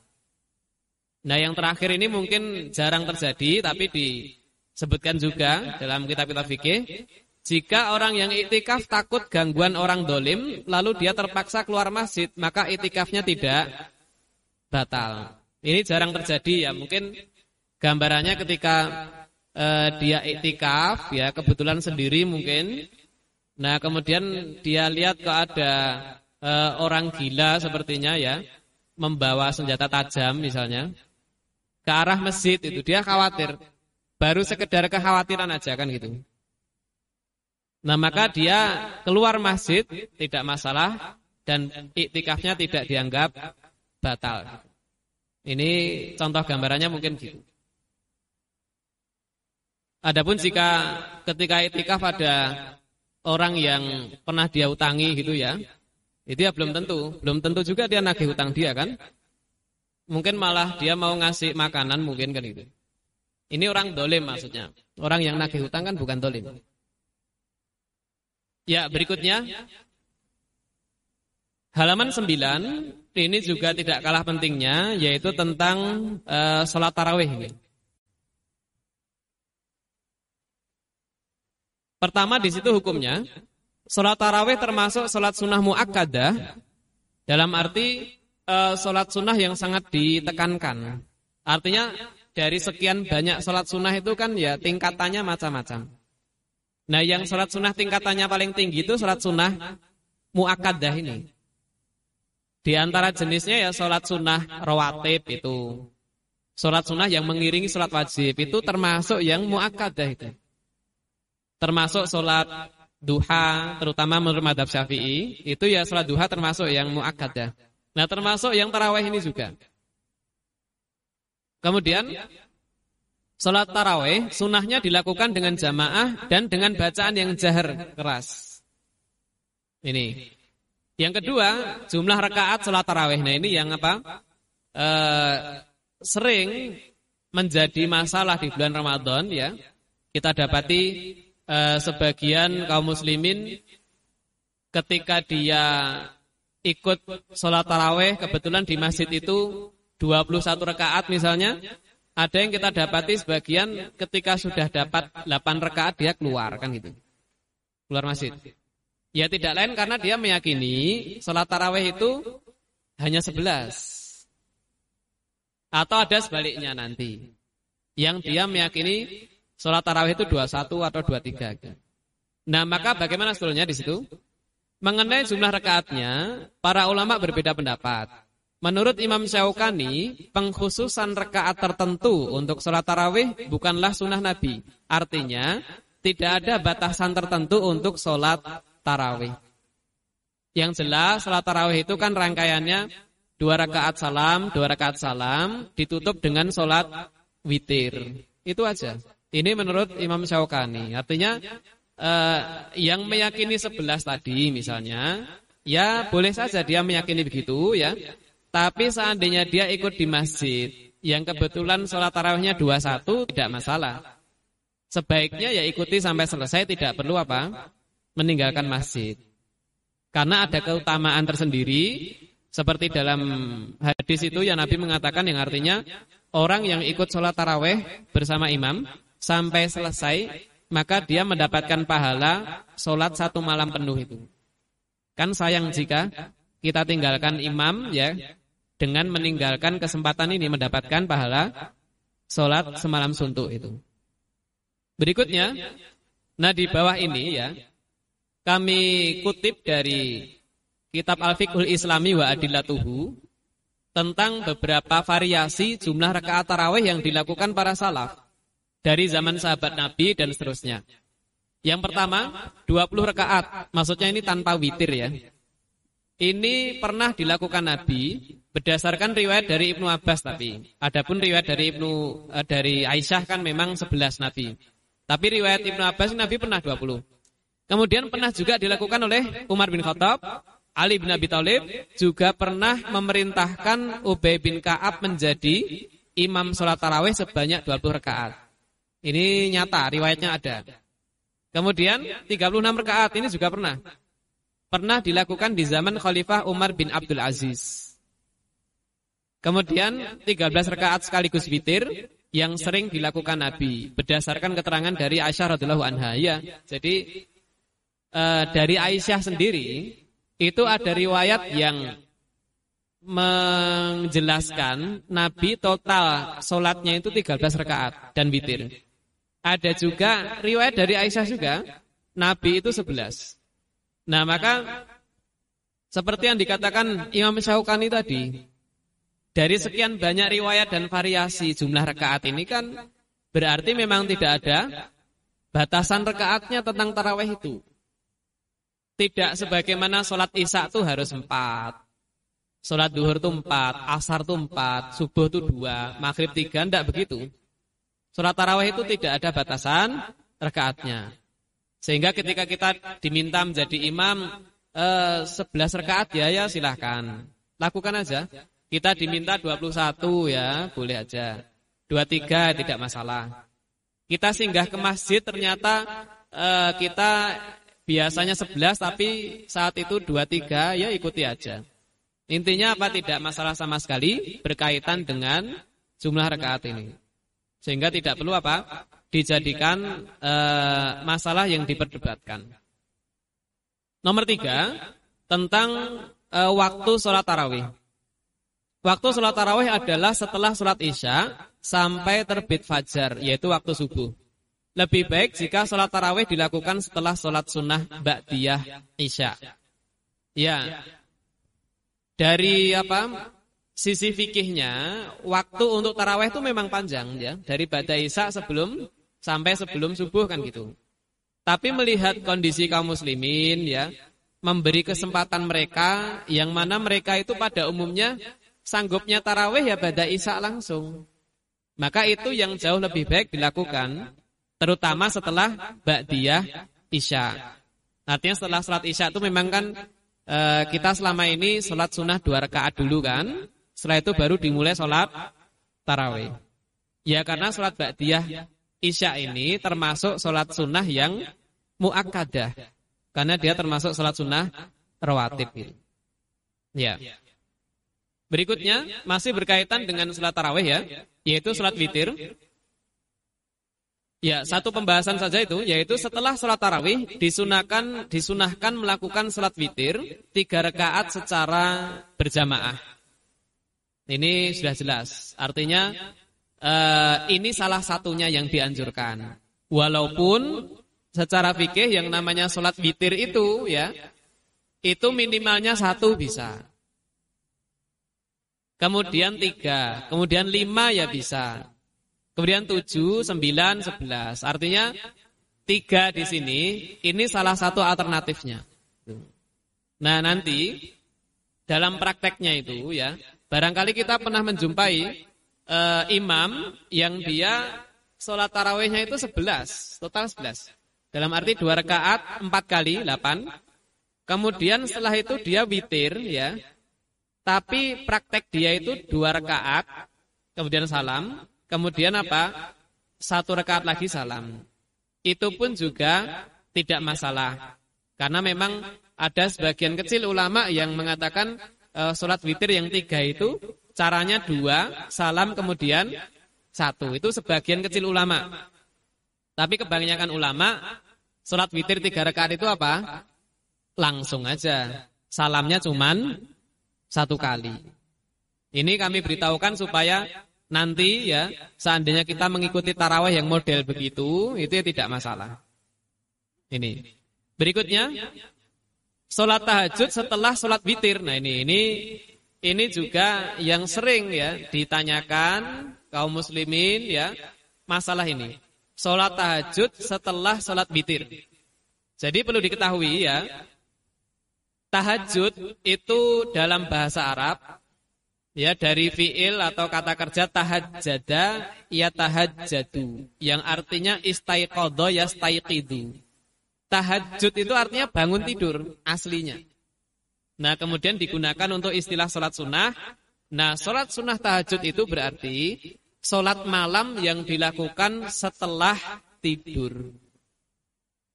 Salat malam yang dilakukan setelah tidur itu salat tahajud. Ini. Nah, di sini yang dibahas sholat tahajud lagi setelah sholat witir, apakah boleh? Artinya kita sudah tadi setelah isya kita mengikuti sholat taraweh, sudah witir sekalian kan gitu. Nah, apakah nanti ketika di tengah malam kita bangun mau sholat tahajud dua rakaat salam, dua rakaat salam, dua rakaat salam, apakah boleh gitu? Nah, maka jawabannya setelah sholat witir Seseorang boleh melakukan sholat tahajud hingga menjelang subuh. Karena Rasulullah SAW pernah melakukan sholat sunnah dua rakaat setelah witir.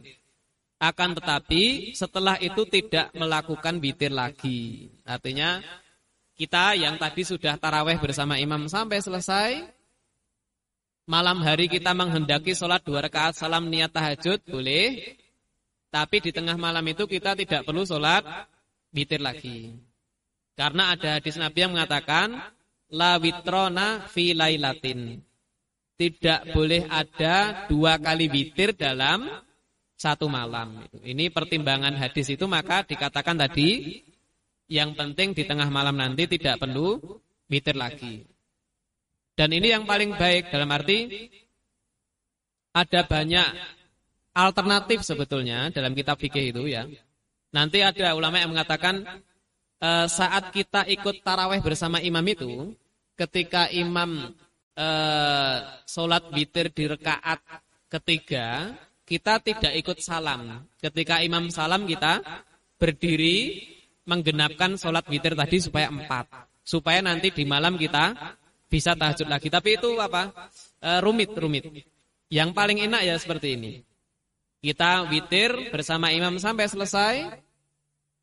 Taraweh selesai dengan witir, nah tengah malam kita mau sholat lagi tidak masalah. Yang penting tidak witir lagi. Ini uh, alternatif yang paling mudah, yang paling simpel ini. Walaupun di sana masih ada yang lain. Ya. Sampai di sini pembahasan tentang sholat tarawih ya. Sekali lagi ini termasuk sholat sunnah yang mu'akadah dan ini termasuk juga salah satu cara kita untuk mendapatkan Lailatul Qadar itu dengan sholat tarawih selain itikaf tadi.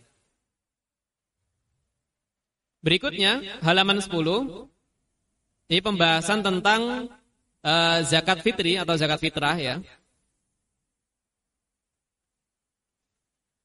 Di situ ada beberapa poin ya. Sampai enam poin di situ. Untuk poin yang pertama, hukum zakat fitrah ini jelas wajib ya. Bisa dibaca keterangannya di situ. Terutama yang paragraf ketiga di situ karena terbatasnya waktu ya. Mayoritas ulama mengatakan jika seseorang yang wajib mengeluarkan zakat fitrah ini meninggal dunia sebelum menunaikannya, maka harus ditunaikan dari harta peninggalannya kewajiban zakat fitri ini tidak gugur dengan sebab kematian. Ini eh, paragraf ketiga ini yang yang penting ini. Kemudian yang kedua, waktu wajib zakat fitrah. Artinya hampir seperti kejadian orang yang meninggal tadi. Ya, dia meninggal eh, di tengah bulan Ramadan kan gitu. Nah, Bagaimana jika bayi yang lahir ketika Ramadan itu atau bayi yang lahir e, di malam hari Ramadan bagaimana perinciannya kaitannya dengan e, wajib tidak ini membayar e, zakat fitrah itu. Poin kedua langsung ya. Mayoritas ulama berpendapat zakat fitrah wajib dengan sebab tenggelamnya matahari pada malam hari raya Idul Fitri. Ini uh, kaidah yang perlu dihafal, dipahami itu. Begitu matahari tenggelam di hari terakhir bulan Ramadan itu, yang besoknya itu Idul Fitri ya, maka saat itulah sudah masuk waktu wajib zakat fitrah. Gitu. Nah sehingga bagaimana? Di situ ada tiga poin ya.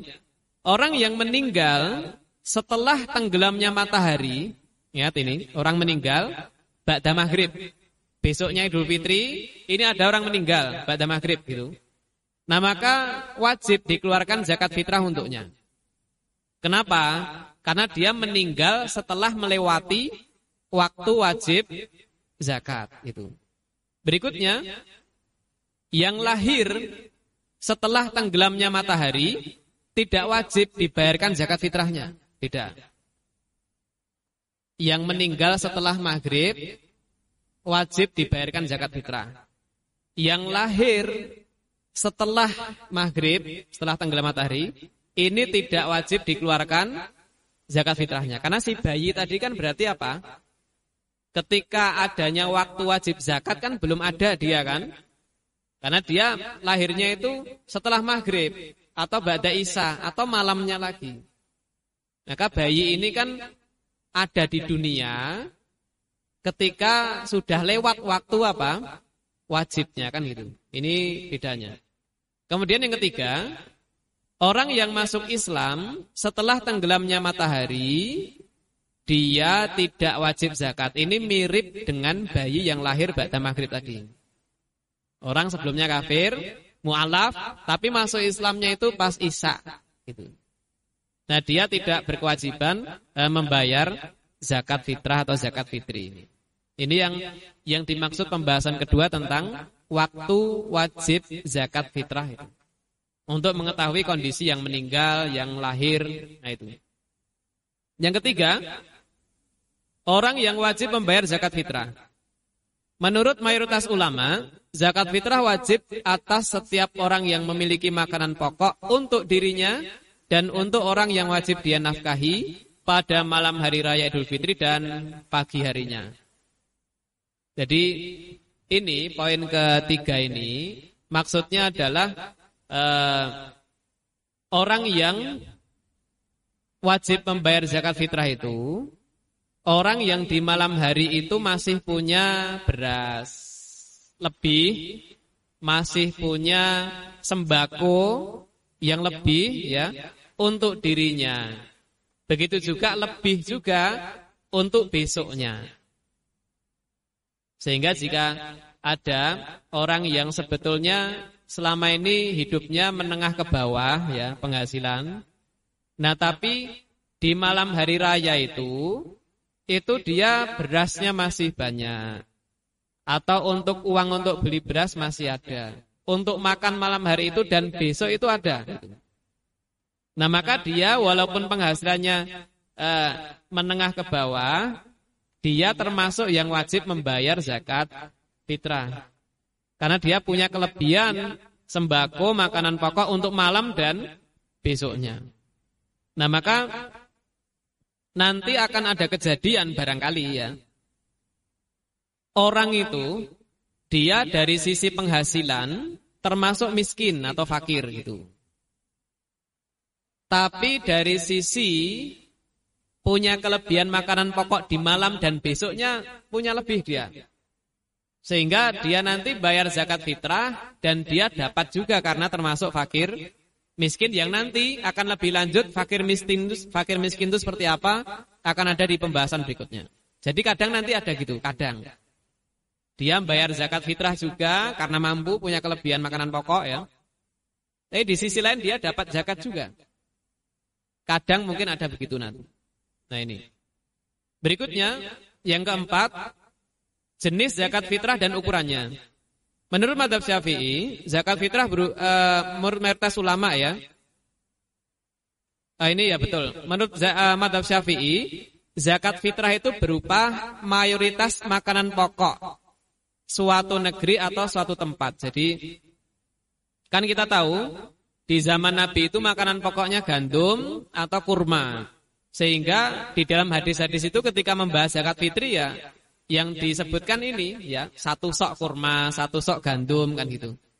Nah, seiring berkembangnya zaman, kaum muslimin semakin banyak, semakin banyak wilayah yang penduduknya mayoritas kaum muslimin. Nah, maka untuk zakat fitrah ini menggunakan makanan pokok yang berlaku di negara itu atau mayoritas makanan pokok di negara itu. Ini yang dimaksud mayoritas makanan pokok karena mungkin di suatu negara itu ya, itu ada beberapa makanan pokok yang dimakan penduduk negara itu. Nah, maka yang dilihat adalah yang kebanyakan makanan ini dimakan penduduk itu. Seperti kita di sini ya beras misalnya. Nah, ini. Kemudian dan yang dianggap sebagai mayoritas makanan pokok adalah mayoritas makanan pokok dalam setahun. Ini ini untuk mengetahui seandainya di negara itu banyak makanan pokok, nah yang untuk dibayarkan sebagai zakat fitrah itu seperti apa? Yaitu makanan pokok yang mayoritas dimakan, kemudian itu yang eh, dalam setahun itu kebanyakannya ya itu apa? Ya kita di sini gampangannya ya beras. Mayoritas ulama ukuran zakat fitrah adalah 2,751 gram dan tidak sah dibayar berupa uang. Ini menurut e, mayoritas ulama mirip seperti fidyah tadi. Menurut mayoritas ulama memang harus berupa makanan pokok itu. Nah, barangkali yang e, menjadi perbedaan pendapat ulama itu berkaitan dengan ukuran zakat fitrah ini. Di sini dikatakan 2,7 ya, ini yang kami kutip dari uh, kitab Al-Fiqhul Islami wa Adilatuhu Syekh Wahbah Az-Zuhaili. Meskipun di sana ada pendapat lain ya. Ada yang mengatakan uh, zakat fitrah itu 2,1 sekian kilogram ya ada. Ada yang mengatakan 2,5 kilogram ada juga. Ada yang mengatakan 3 kilogram juga ada. Nah maka uh, eh, 2,7 ini barangkali yang yang apa ya lebih hati-hati kan atau dua setengah kilo yang selama ini kita bayarkan itu juga eh, insya Allah sudah sah. Kenapa terjadi perbedaan begini? Ya sekali lagi karena Nabi tidak menggunakan takaran kilogram, Nabi menggunakan sok istilahnya. Nah kemudian ulama kontemporer kan berbeda dalam eh, merubah ke kilogram itu jadi berapa? Ya berkisar antara dua setengah kilogram, 2,7 kilogram atau 3 kilogram itu. Nah, jika kita niat hati-hati supaya pasti e, eh, 3 kilogram ya tidak masalah. Silahkan aja itu. Berikutnya, poin kelima, jika hanya mampu membayar sebagian zakat fitrah. Orang yang hanya mampu membayar sebagian dari zakat fitrah, dia harus tetap membayar zakat fitrah semampunya. Dia harus membayar zakat fitrah untuk dirinya sendiri, kemudian orang-orang yang dia nafkahi menurut mayoritas ulama dimulai dari istri. Artinya seandainya ada ya seorang kepala rumah tangga mempunyai istri satu, ya anaknya tiga misalnya. Istri satu, anaknya tiga. Dia punya kelebihan makanan pokok untuk malam hari dan besoknya. Berarti dia harus membayar zakat fitrah. Tapi untuk dibayarkan semua itu, istri dan tiga anaknya dia tidak mampu. Dia hanya mampu membayar zakat fitrah 6 kilogram misalnya. Jadi dua orang aja. Nah berarti dia bayarkan itu untuk dirinya dan istrinya. Sehingga ketika seandainya dia melalui panitia ya ketika menulis di daftar zakat fitrah, daftar atas nama dirinya dan istrinya. Tiga anaknya ya terpaksa tidak dibayarkan karena dia tidak tidak mampu. Nah ini didasarkan pada firman Allah di antaranya fattakullah mastata'tum. Bertakwalah kepada Allah semampu kalian. Artinya jika ada perintah agama, kita mampunya apa ya lakukan. Ini prinsipnya gitu. Yang keenam, yang berhak menerima zakat fitrah, ulama sepakat bahwa yang berhak menerima zakat fitrah adalah mereka yang disebutkan dalam surat At-Taubah ayat 60, nanti akan ada pembahasannya, rinci. Ulama juga sepakat bahwa zakat fitrah diberikan kepada orang-orang merdeka, bukan budak yang beragama muslim ini atau yang beragama Islam. Nah, berikutnya silakan dibuka halaman 11 ya. Ini perincian tentang orang-orang yang berhak mendapat zakat, termasuk zakat fitrah tadi. Ya. Dasarnya jelas di situ ya, firman Allah surat At-Taubah ayat 60 bisa dibaca ayat dan artinya di situ.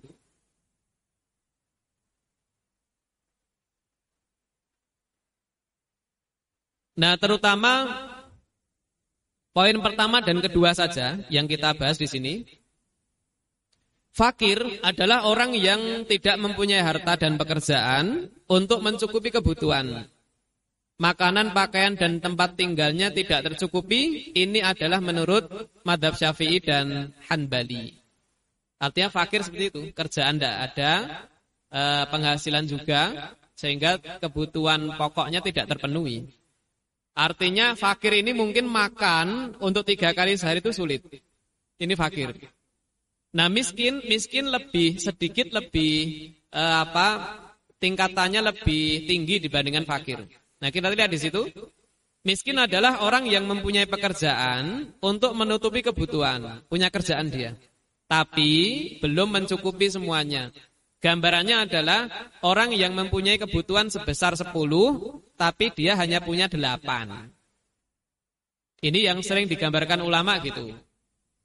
Kebutuhan yang perlu dia keluarkan uang untuknya itu 10, tapi dia hanya punya 8. Artinya dia baru mampu memenuhi kebutuhannya sekedar 80 persennya. Ini tergolong miskin. Ada juga ulama yang menggambarkan uh, orang orang fakir itu atau miskin itu yang punya penghasilan tapi tidak cukup untuk satu bulan itu ya ada. Yang mengatakan gitu ada. Sehingga eh, sisa-sisa uh, bulannya itu dia menghutang. Itu juga uh, ada yang menggambarkan gitu. Sehingga orang fakir ini untuk makan saja susah gampangannya gitu, fakir ini. Nah, yang miskin untuk makan bisa, tapi untuk menyekolahkan anaknya mungkin tidak bisa dia. Nah ini contoh gambaran miskin. Makan bisa, tapi untuk menyekolahkan anaknya tidak bisa. Nah ini miskin. Nah dia berhak menerima zakat, fitrah dan juga zakat mal. Selebihnya amil itu pegawai yang ditunjuk pemerintah. Artinya sebetulnya panitia itu bukan termasuk amil. Sehingga panitia itu sebetulnya tidak berhak menerima zakat fitrah. Kecuali di antara panitia ada yang miskin ya dia dapatnya karena karena miskinnya. Karena amil itu adalah pegawai yang ditunjuk negara. Ya. Dan mu'alaf bisa dilihat di situ perinciannya budak sudah tidak ada ya. Gorem sudah jelas, sabilillah itu bisa. Nah, untuk yang poin ketujuh ini ya. Sabilillah ini sebetulnya menurut mayoritas ulama, fi sabilillah ini itu pasukan yang memang dipersiapkan untuk berjihad dalam arti perang itu bisa fisabilillah. Nah, sehingga seperti masjid ya, e, seperti pembangunan yayasan yayasan-yayasan sosial itu tidak termasuk sini sebetulnya. Nah, ada ulama yang sedikit memperluas fisabilillah itu orang yang haji itu termasuk. Sehingga di situ kami cantumkan halaman 12 ya. Sebagian ulama mengatakan orang yang mau haji itu berhak e, menerima zakat itu ya ada.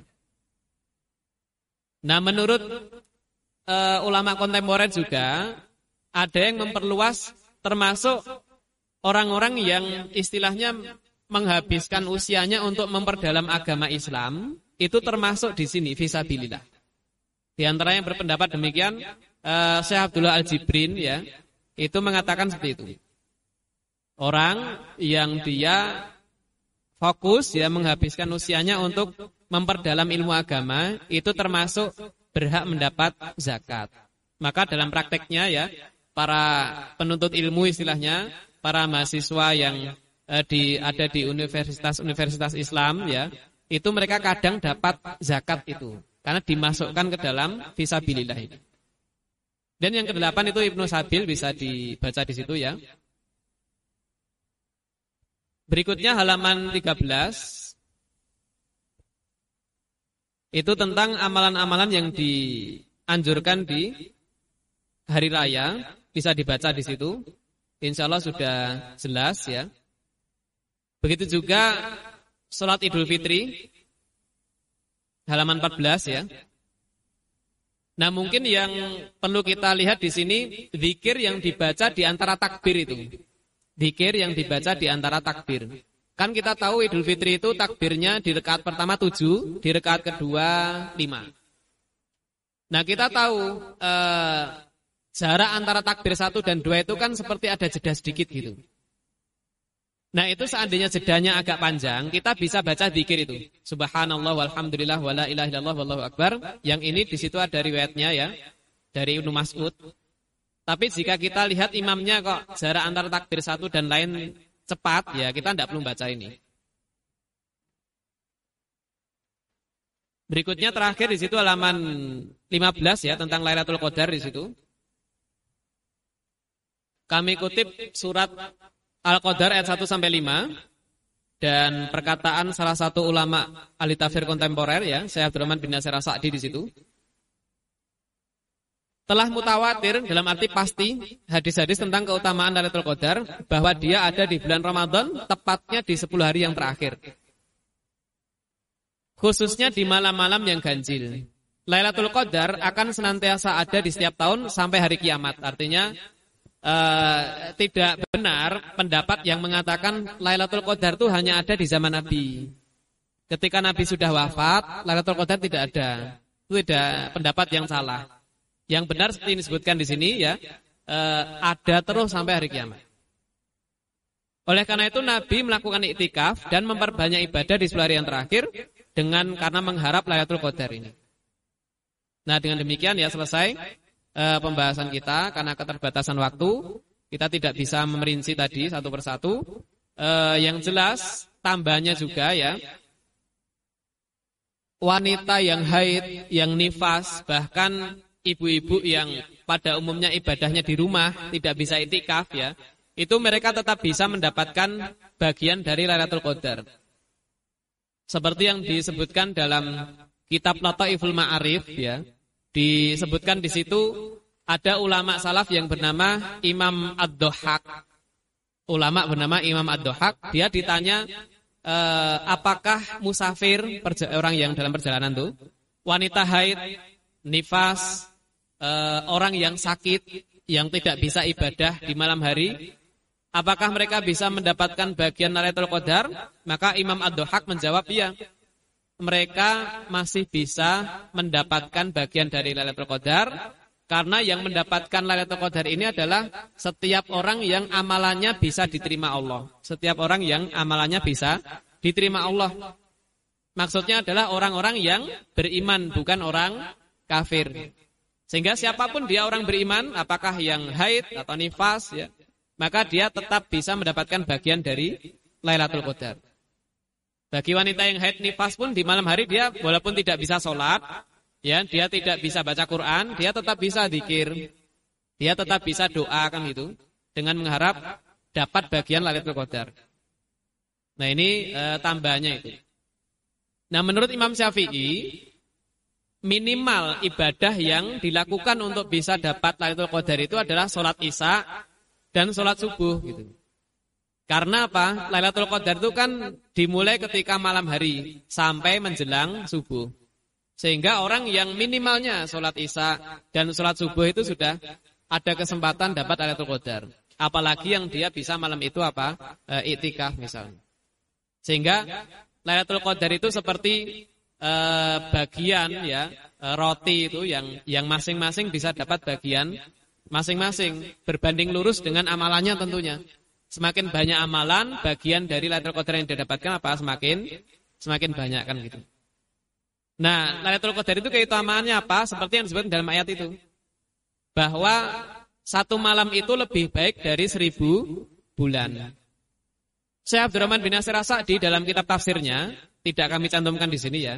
Seribu bulan itu sekitar 83, 85 bul, uh, tahun itu, seribu bulan. Artinya, orang yang dapat Lailatul Qadar ini, walaupun dia beribadah 15 menit di malam itu, dan diterima yang 15 menit ini oleh Allah ya, seolah-olah dia beribadah uh, selama 80-an tahun lebih itu. Ini yang dimaksud satu malam lebih baik dari seribu bulan. Dia baca Quran ya sekedar setengah jam, seolah-olah dia pahalanya seperti eh, pahala baca Quran selama 80 tahun lebih. Dia sholat taraweh 15 menit misalnya, dia seperti mendapatkan pahala eh, sholat taraweh selama eh, 80 tahun lebih. Ini adalah bentuk kasih sayang Allah kepada umat Nabi Muhammad yang relatif usia mereka itu singkat-singkat dibandingkan dengan usia umat zaman dahulu yang mereka itu usianya ratusan tahun. Kan kita umat Nabi Muhammad itu usianya seperti yang Nabi katakan, eh, Akmaru ummati ma baina sitin wasabiin. Usia umatku itu antara 60 sampai 70 tahun. Ada yang lebih dari itu kata Nabi tapi tidak banyak. Nah ini untuk mengimbangi umat dahulu Allah beri keistimewaan Lailatul Qadar ini. Maka eh, jangan kita lewatkan kesempatan yang eh, sangat berharga ini untuk menghidupkan malam harinya, terutama 10 hari terakhir dengan ibadah-ibadah itu. Ya. Barangkali sampai di sini ya pembahasan kita. Tadi sudah ada sesi tanya jawab. Tapi jika mau ada tanya jawab lagi masih bisa sepertinya ya ini. Sampai paling tidak 11.20 ya. Dan nanti eh, 11.20 kan ada pengerjaan post test tadi. Nah maka bisa. Jika seandainya menghendaki, tanya jawab masih ada beberapa menit ini ya. E, kami persilahkan.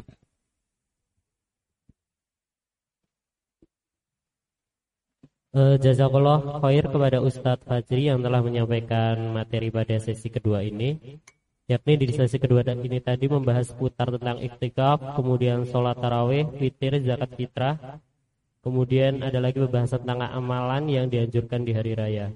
Baik untuk sesi selanjutnya yakni tanya jawab silahkan bagi jamaah yang mau bertanya dipersilahkan. Untuk yang ikhwan langsung saja menuju ke sumber suara. Untuk yang jamaah akhwat mungkin bisa melalui kertas atau menghubungi panitia akhwat.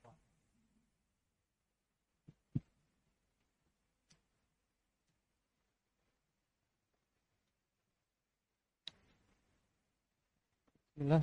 Bismillah. Uh, Assalamualaikum Pak Ustadz. Saya izin bertanya, ada dua pertanyaan insya Allah. Yang pertama, di, di materi daurah pertama, waktu berhenti untuk sahur itu waktu isya yang biasa terdengar di masjid sekitar atau lafaz azan Allahu Akbar terakhir muazin. Yang kedua pertanyaannya adalah ketika iktikaf itu ketika lelah uh, tilawah atau baca Quran itu boleh berdiri ketika bacanya atau enggak? Itu. Assalamualaikum warahmatullahi wabarakatuh. Untuk yang kedua tentang itikaf tadi setelah tilawah kenapa?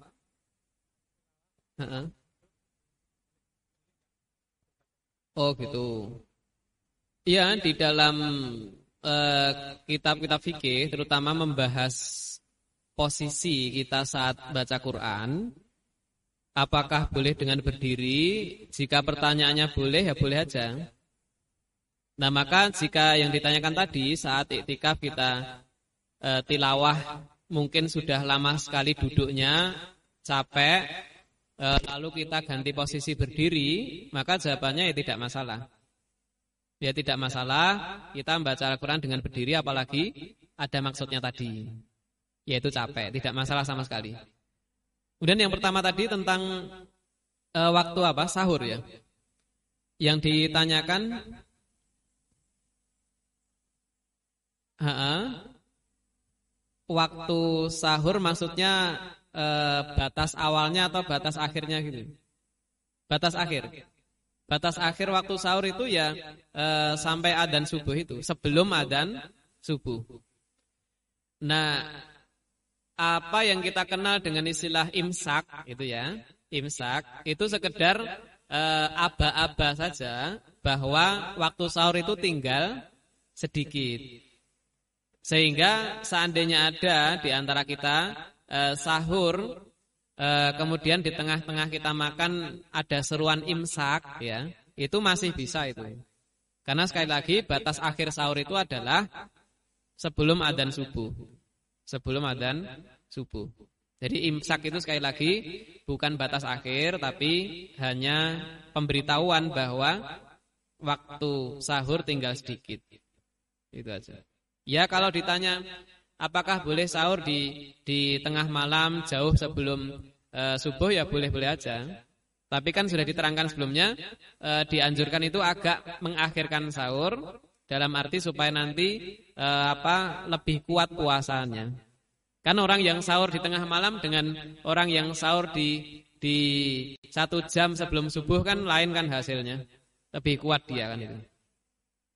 Ya itu. Uh, mungkin ada pertanyaan lagi silahkan dari jamaah ikhwan maupun ahwat.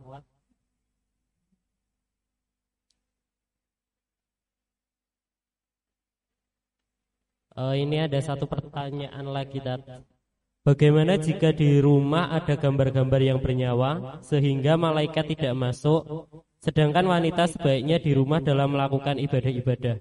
Apakah tetap bisa mendapatkan keutamaan malam Lailatul Qadar. Kemudian ini ada satu lagi, bagaimana cara mendapatkan malam Lailatul Qadar untuk wanita yang sedang haid? Jazakallah. Iya. Berkaitan dengan kita yang di rumah, apakah tetap bisa mendapatkan Lailatul Qadar? Jawabannya ya bisa. Karena sekali lagi itikaf itu bukan syarat untuk mendapatkan Lailatul Qadar. Kemudian masih berkaitan dengan pertanyaan yang berikutnya, e, wanita haid yang yang dia tidak bisa sholat sunnah tentunya, sholat wajib saja tidak tidak boleh ya. Dia juga tidak bisa tilawah Quran kan gitu. Nah maka cara untuk mendapatkan Lailatul Qadar bagaimana? Ya dia e, melakukan apa yang diistilahkan dengan amalan-amalan hati dan juga amalan-amalan lisan yang berupa zikir. Jadi e, disebutkan dalam riwayat e, kana nabiyyu sallallahu alaihi wasallam yadhkurullah ala kulli ahyanihi.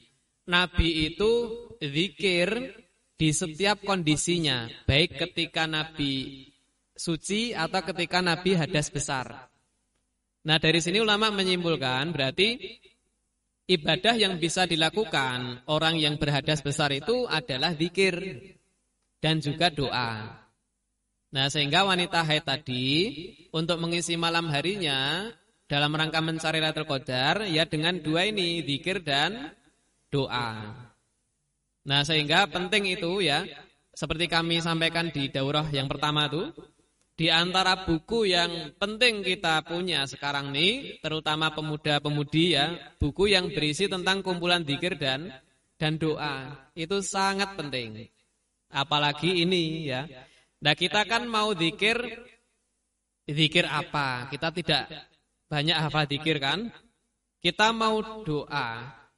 Doa bisa dengan bahasa kita. Tapi kan alangkah baik sekali seandainya kita itu juga hafal doa-doa Nabi kan gitu. Yang jika kita perhatikan doa-doa Nabi itu isinya mencakup semua kebaikan dunia akhirat lahir batin. Nah, kita kan jika belum hafal ya perlu itu buku kumpulan doa dan zikir. Nah maka mulai dari sekarang siapkan itu buku kumpulan doa dan zikir ya. Untuk nanti seandainya pas Ramadan kita haid, pas 10 hari terakhir bahkan. Nah kita bisa sebagai wanita ini apa? Mengisi dengan doa dan zikir itu. Nah lebih dari itu tadi amalan hati ya. Kita bersihkan hati kita dari hasad ya, dari iri, dari sombong, dari dendam itu. Apalagi jika kita lihat hakikat dari Lailatul Qadar itu adalah anugerah kan gitu. Pemberian istimewa dari Allah. Apakah mungkin Allah itu memberikan Lailatul Qadar kepada orang yang hatinya kotor gitu? Apakah mungkin Allah memberikan Lailatul Qadar itu seperti kita e, melempar ya e, uang secara acak gitu untuk diambil orang enggak. Allah pasti memberi kepada orang-orang yang pantas. Ya tidak lain adalah orang yang hatinya bersih. Maka wanita haid itu kan dia berhadas ya. E, itu kan kondisi fisiknya, tapi hatinya tetap bisa menjadi bersih kan gitu. Nah ini itu di antara amalannya itu. Adapun yang yang apa pertama tentang bagaimana di di rumah ada gambar-gambar makhluk bernyawa yang katanya malaikat tidak masuk ya. Itu memang benar. Ada hadis yang mengatakan bahwa malaikat itu tidak masuk ke rumah yang ada uh, aswar bahasa Arabnya atau asuratu ya. Nah, hanya ulama itu beda dalam um, menjelaskan makna asuratu atau aswar ini. Yang memang seringnya asuratu diterjemahkan dengan gambar-gambar. Kan itu. Nah, ulama kontemporer eh, akhirnya membahas itu. Apakah foto itu termasuk asurah di sini? Karena foto di zaman Nabi tidak ada tuh. Nah, maka ulama sepakat dulu. Yang jelas pertama dimaksud asurah di sini, pertama adalah patung yang biasa disembah orang-orang musyrik tuh jelas. Kalau ada di rumah, di rumah ada patung yang semacam ini, jelas itu malaikat rahmat tidak masuk rumahnya. Atau gambar, bukan patung, ya gambar yang dua dimensi lah. Yang gambar itu, gambar patung juga sesembahan orang-orang musyrik, ini jelas. Nah yang ulama berbeda itu bagaimana dengan foto, misalnya foto keluarga ya. Nah yang ini apa? Wallahu alam bisawab. Foto keluarga yang ada di rumah kita tuh ya, itu insya Allah tidak menghalangi malaikat masuk ke rumah itu. Ya sehingga kita tidak perlu ya mencopoti foto bapak ibu kita, tidak perlu. Minimalnya seandainya kalian ragu ya, ya kamar kalian lah mungkin yang e, bersih dari itu. Tapi tidak perlu e, kalian apa memaksa orang tua juga untuk e, melepas foto-foto yang mereka pajang. Karena itu minimalnya masih diperselisihkan ulama apakah itu yang dimaksud Nabi dalam sabdanya itu. Foto itu.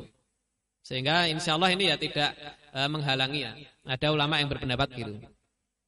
Nah ini. Adapun foto artis itu lain lagi pembahasannya. Ya foto artis, foto idolanya. Nah ini ya wallahu alam biswab jelas ini beda dengan foto keluarga. Karena foto keluarga itu jelas ada manfaatnya juga, ada tujuannya. Ya, untuk memperkenalkan nanti ke anak cucunya siapa bapaknya, siapa neneknya kan gitu. Adapun foto artis untuk apa? Kita mau mengenalkan anak cucu kita artis itu. Ya enggak kan itu. Nah, sehingga foto keluarga yang insya tidak masalah. Adapun foto artis ya mungkin ini yang menghalangi malaikat eh, rahmat masuk itu. Wallahu alam eh, bisawab. Oh ya berkaitan dengan eh, tadi yang ditanyakan di awal tadi ya tentang orang yang bertahun-tahun sudah tahu hukum puasa tapi sengaja tidak puasa lalu dia tobat, apakah harus mengganti puasa? Setelah kami lihat-lihat lagi tadi eh, fatwa-fatwa ulama ya, mayoritas ulama itu tetap mewajibkan dia mengganti puasa yang dia tinggalkan itu. Karena masih bisa dihitung puasanya. Artinya kalau dia tidak puasa tiga tahun, berarti kan dia nanti melunasi sebanyak 90 hari. Kan setiap tahun tuh hanya ada Ramadan berapa? Sekali. Ini mayoritas ulama. Nah, pendapat sebagian kecil ulama yang tadi dia tidak perlu melunasi e, hanya bertobat saja. Tapi setelah saya lihat lagi ternyata yang pendapat mayoritas itu yang mewajibkan untuk melunasi itu. Ini sedikit tambahan dan ralat tadi ya. Ya, barangkali itu sudah jam 11.29 ya. Masih pertanyaan atau langsung uh, ini ada ini? satu pertanyaan terakhir. Oh ya.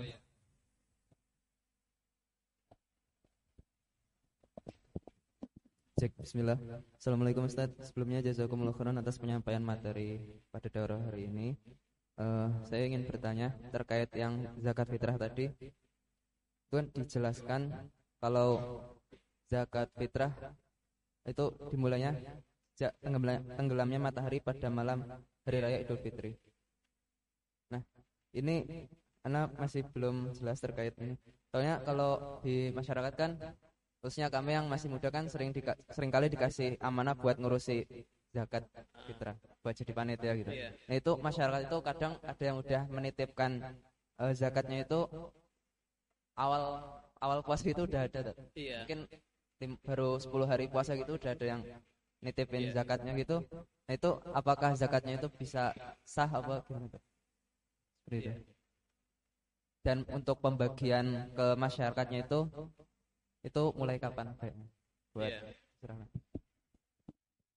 Ya berkaitan dengan panitia yang sudah dititipi warga sekitar eh, zakat fitrah semenjak awal Ramadan itu diterima saja, tidak masalah. Ya dalam kitab-kitab fikih diterangkan menyegerakan pembayaran zakat fitrah itu tidak masalah. Nah, adapun panitia Kan yang penting mereka membagikannya itu nanti di di akhir. Sehingga akhirnya warga yang menitipkan tadi, ya akhirnya secara syar'i mereka e, dianggap e, zakat fitrahnya di akhir Ramadan. karena yang menjadi patokan itu bukan ketika orang menitipkan ke panitia, tapi yang menjadi patokan adalah ketika panitia membagi kan itu. Nah, untuk panitia yang membagi yang biasanya e, tiga hari sebelum Id itu juga dibenarkan karena dulu Ibnu Umar ya pernah membayar zakat fitrah juga tiga hari sebelum surat Id. Nah, adapun batas akhirnya itu sebelum berangkat ke sholat Idul Fitri. Sholat Id hari raya Idul Fitri itu batas akhirnya. Nah, setelah sholat Id itu sudah habis waktunya. Nah, sehingga bagi panitia tidak salah, tidak salah sama sekali ketika mereka membagi tiga hari sebelum id itu tidak masalah. Nah, e, untuk yang setiap kaum muslimin yang memang harus memahami tadi bahwa kewajiban zakat fitrah itu ketika tenggelam matahari di malam hari raya maksudnya seandainya ada dari kaum muslimin ini yang lahir bayinya misalnya ya Bayinya ini lahir uh, asarnya itu. Besoknya Idul Fitri, lahir bayinya pas asar itu. Umumnya panitia sudah apa? Selesai membagi. Nah, bagi keluarga tadi, secara syar'i sebetulnya wajib membayarkan satu lagi untuk bayi yang lahir, kan itu maksudnya. Nah, beda jika bayinya tadi lahir malam hari Isya misalnya. Itu sudah tidak wajib dibayarkan karena dia lahirnya sudah melewati waktu wajib. Sehingga waktu wajib tadi bukan berarti e, membahas e, kapan awal pembagian zakat atau kapan akhir. Batas akhirnya itu sebelum sholat id itu. Ya panitia tidak masalah tadi. Nah maka inilah pentingnya e, ilmu terutama berkaitan dengan zakat ya. Ternyata kan ada beberapa yang kaitannya dengan zakat fitri yang sepertinya ini belum dipahami kebanyakan kaum muslimin kan gitu tentang istilah waktu wajib zakat tadi. Ya itu barangkali.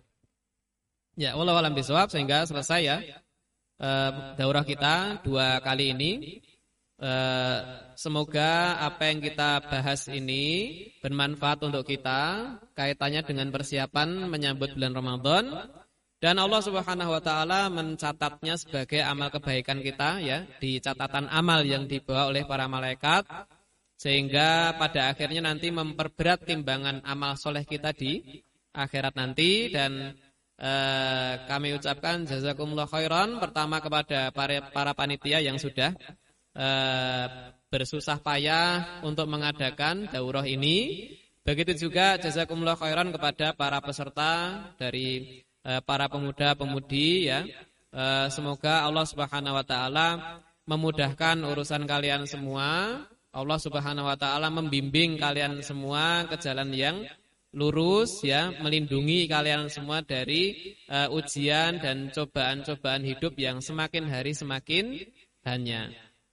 Akhirnya uh, kami pribadi ya mohon maaf jika ada salah kata selama daurah ini ya. Uh, semoga Allah Subhanahu wa taala mempertemukan kita kembali dalam kesempatan yang lebih baik dari ini.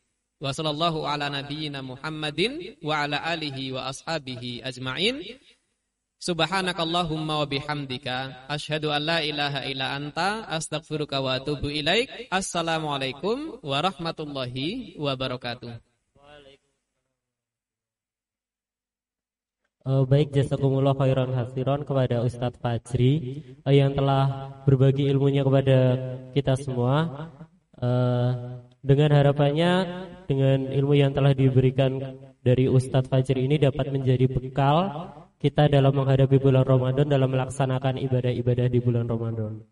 Seperti itu. Uh, kemudian masuk ke sesi selanjutnya sebelum penutup ini ada post test dari panitia daurah. Mungkin bisa dikerjakan terlebih dahulu. Uh, mungkin bisa dikerjakan oleh jamaah. Untuk link post testnya di share di grup jamaah, baik Ikhwan maupun Akhwat. Oh ya ini di LCD juga di ditayangkan link untuk post test silahkan dikerjakan teman-teman.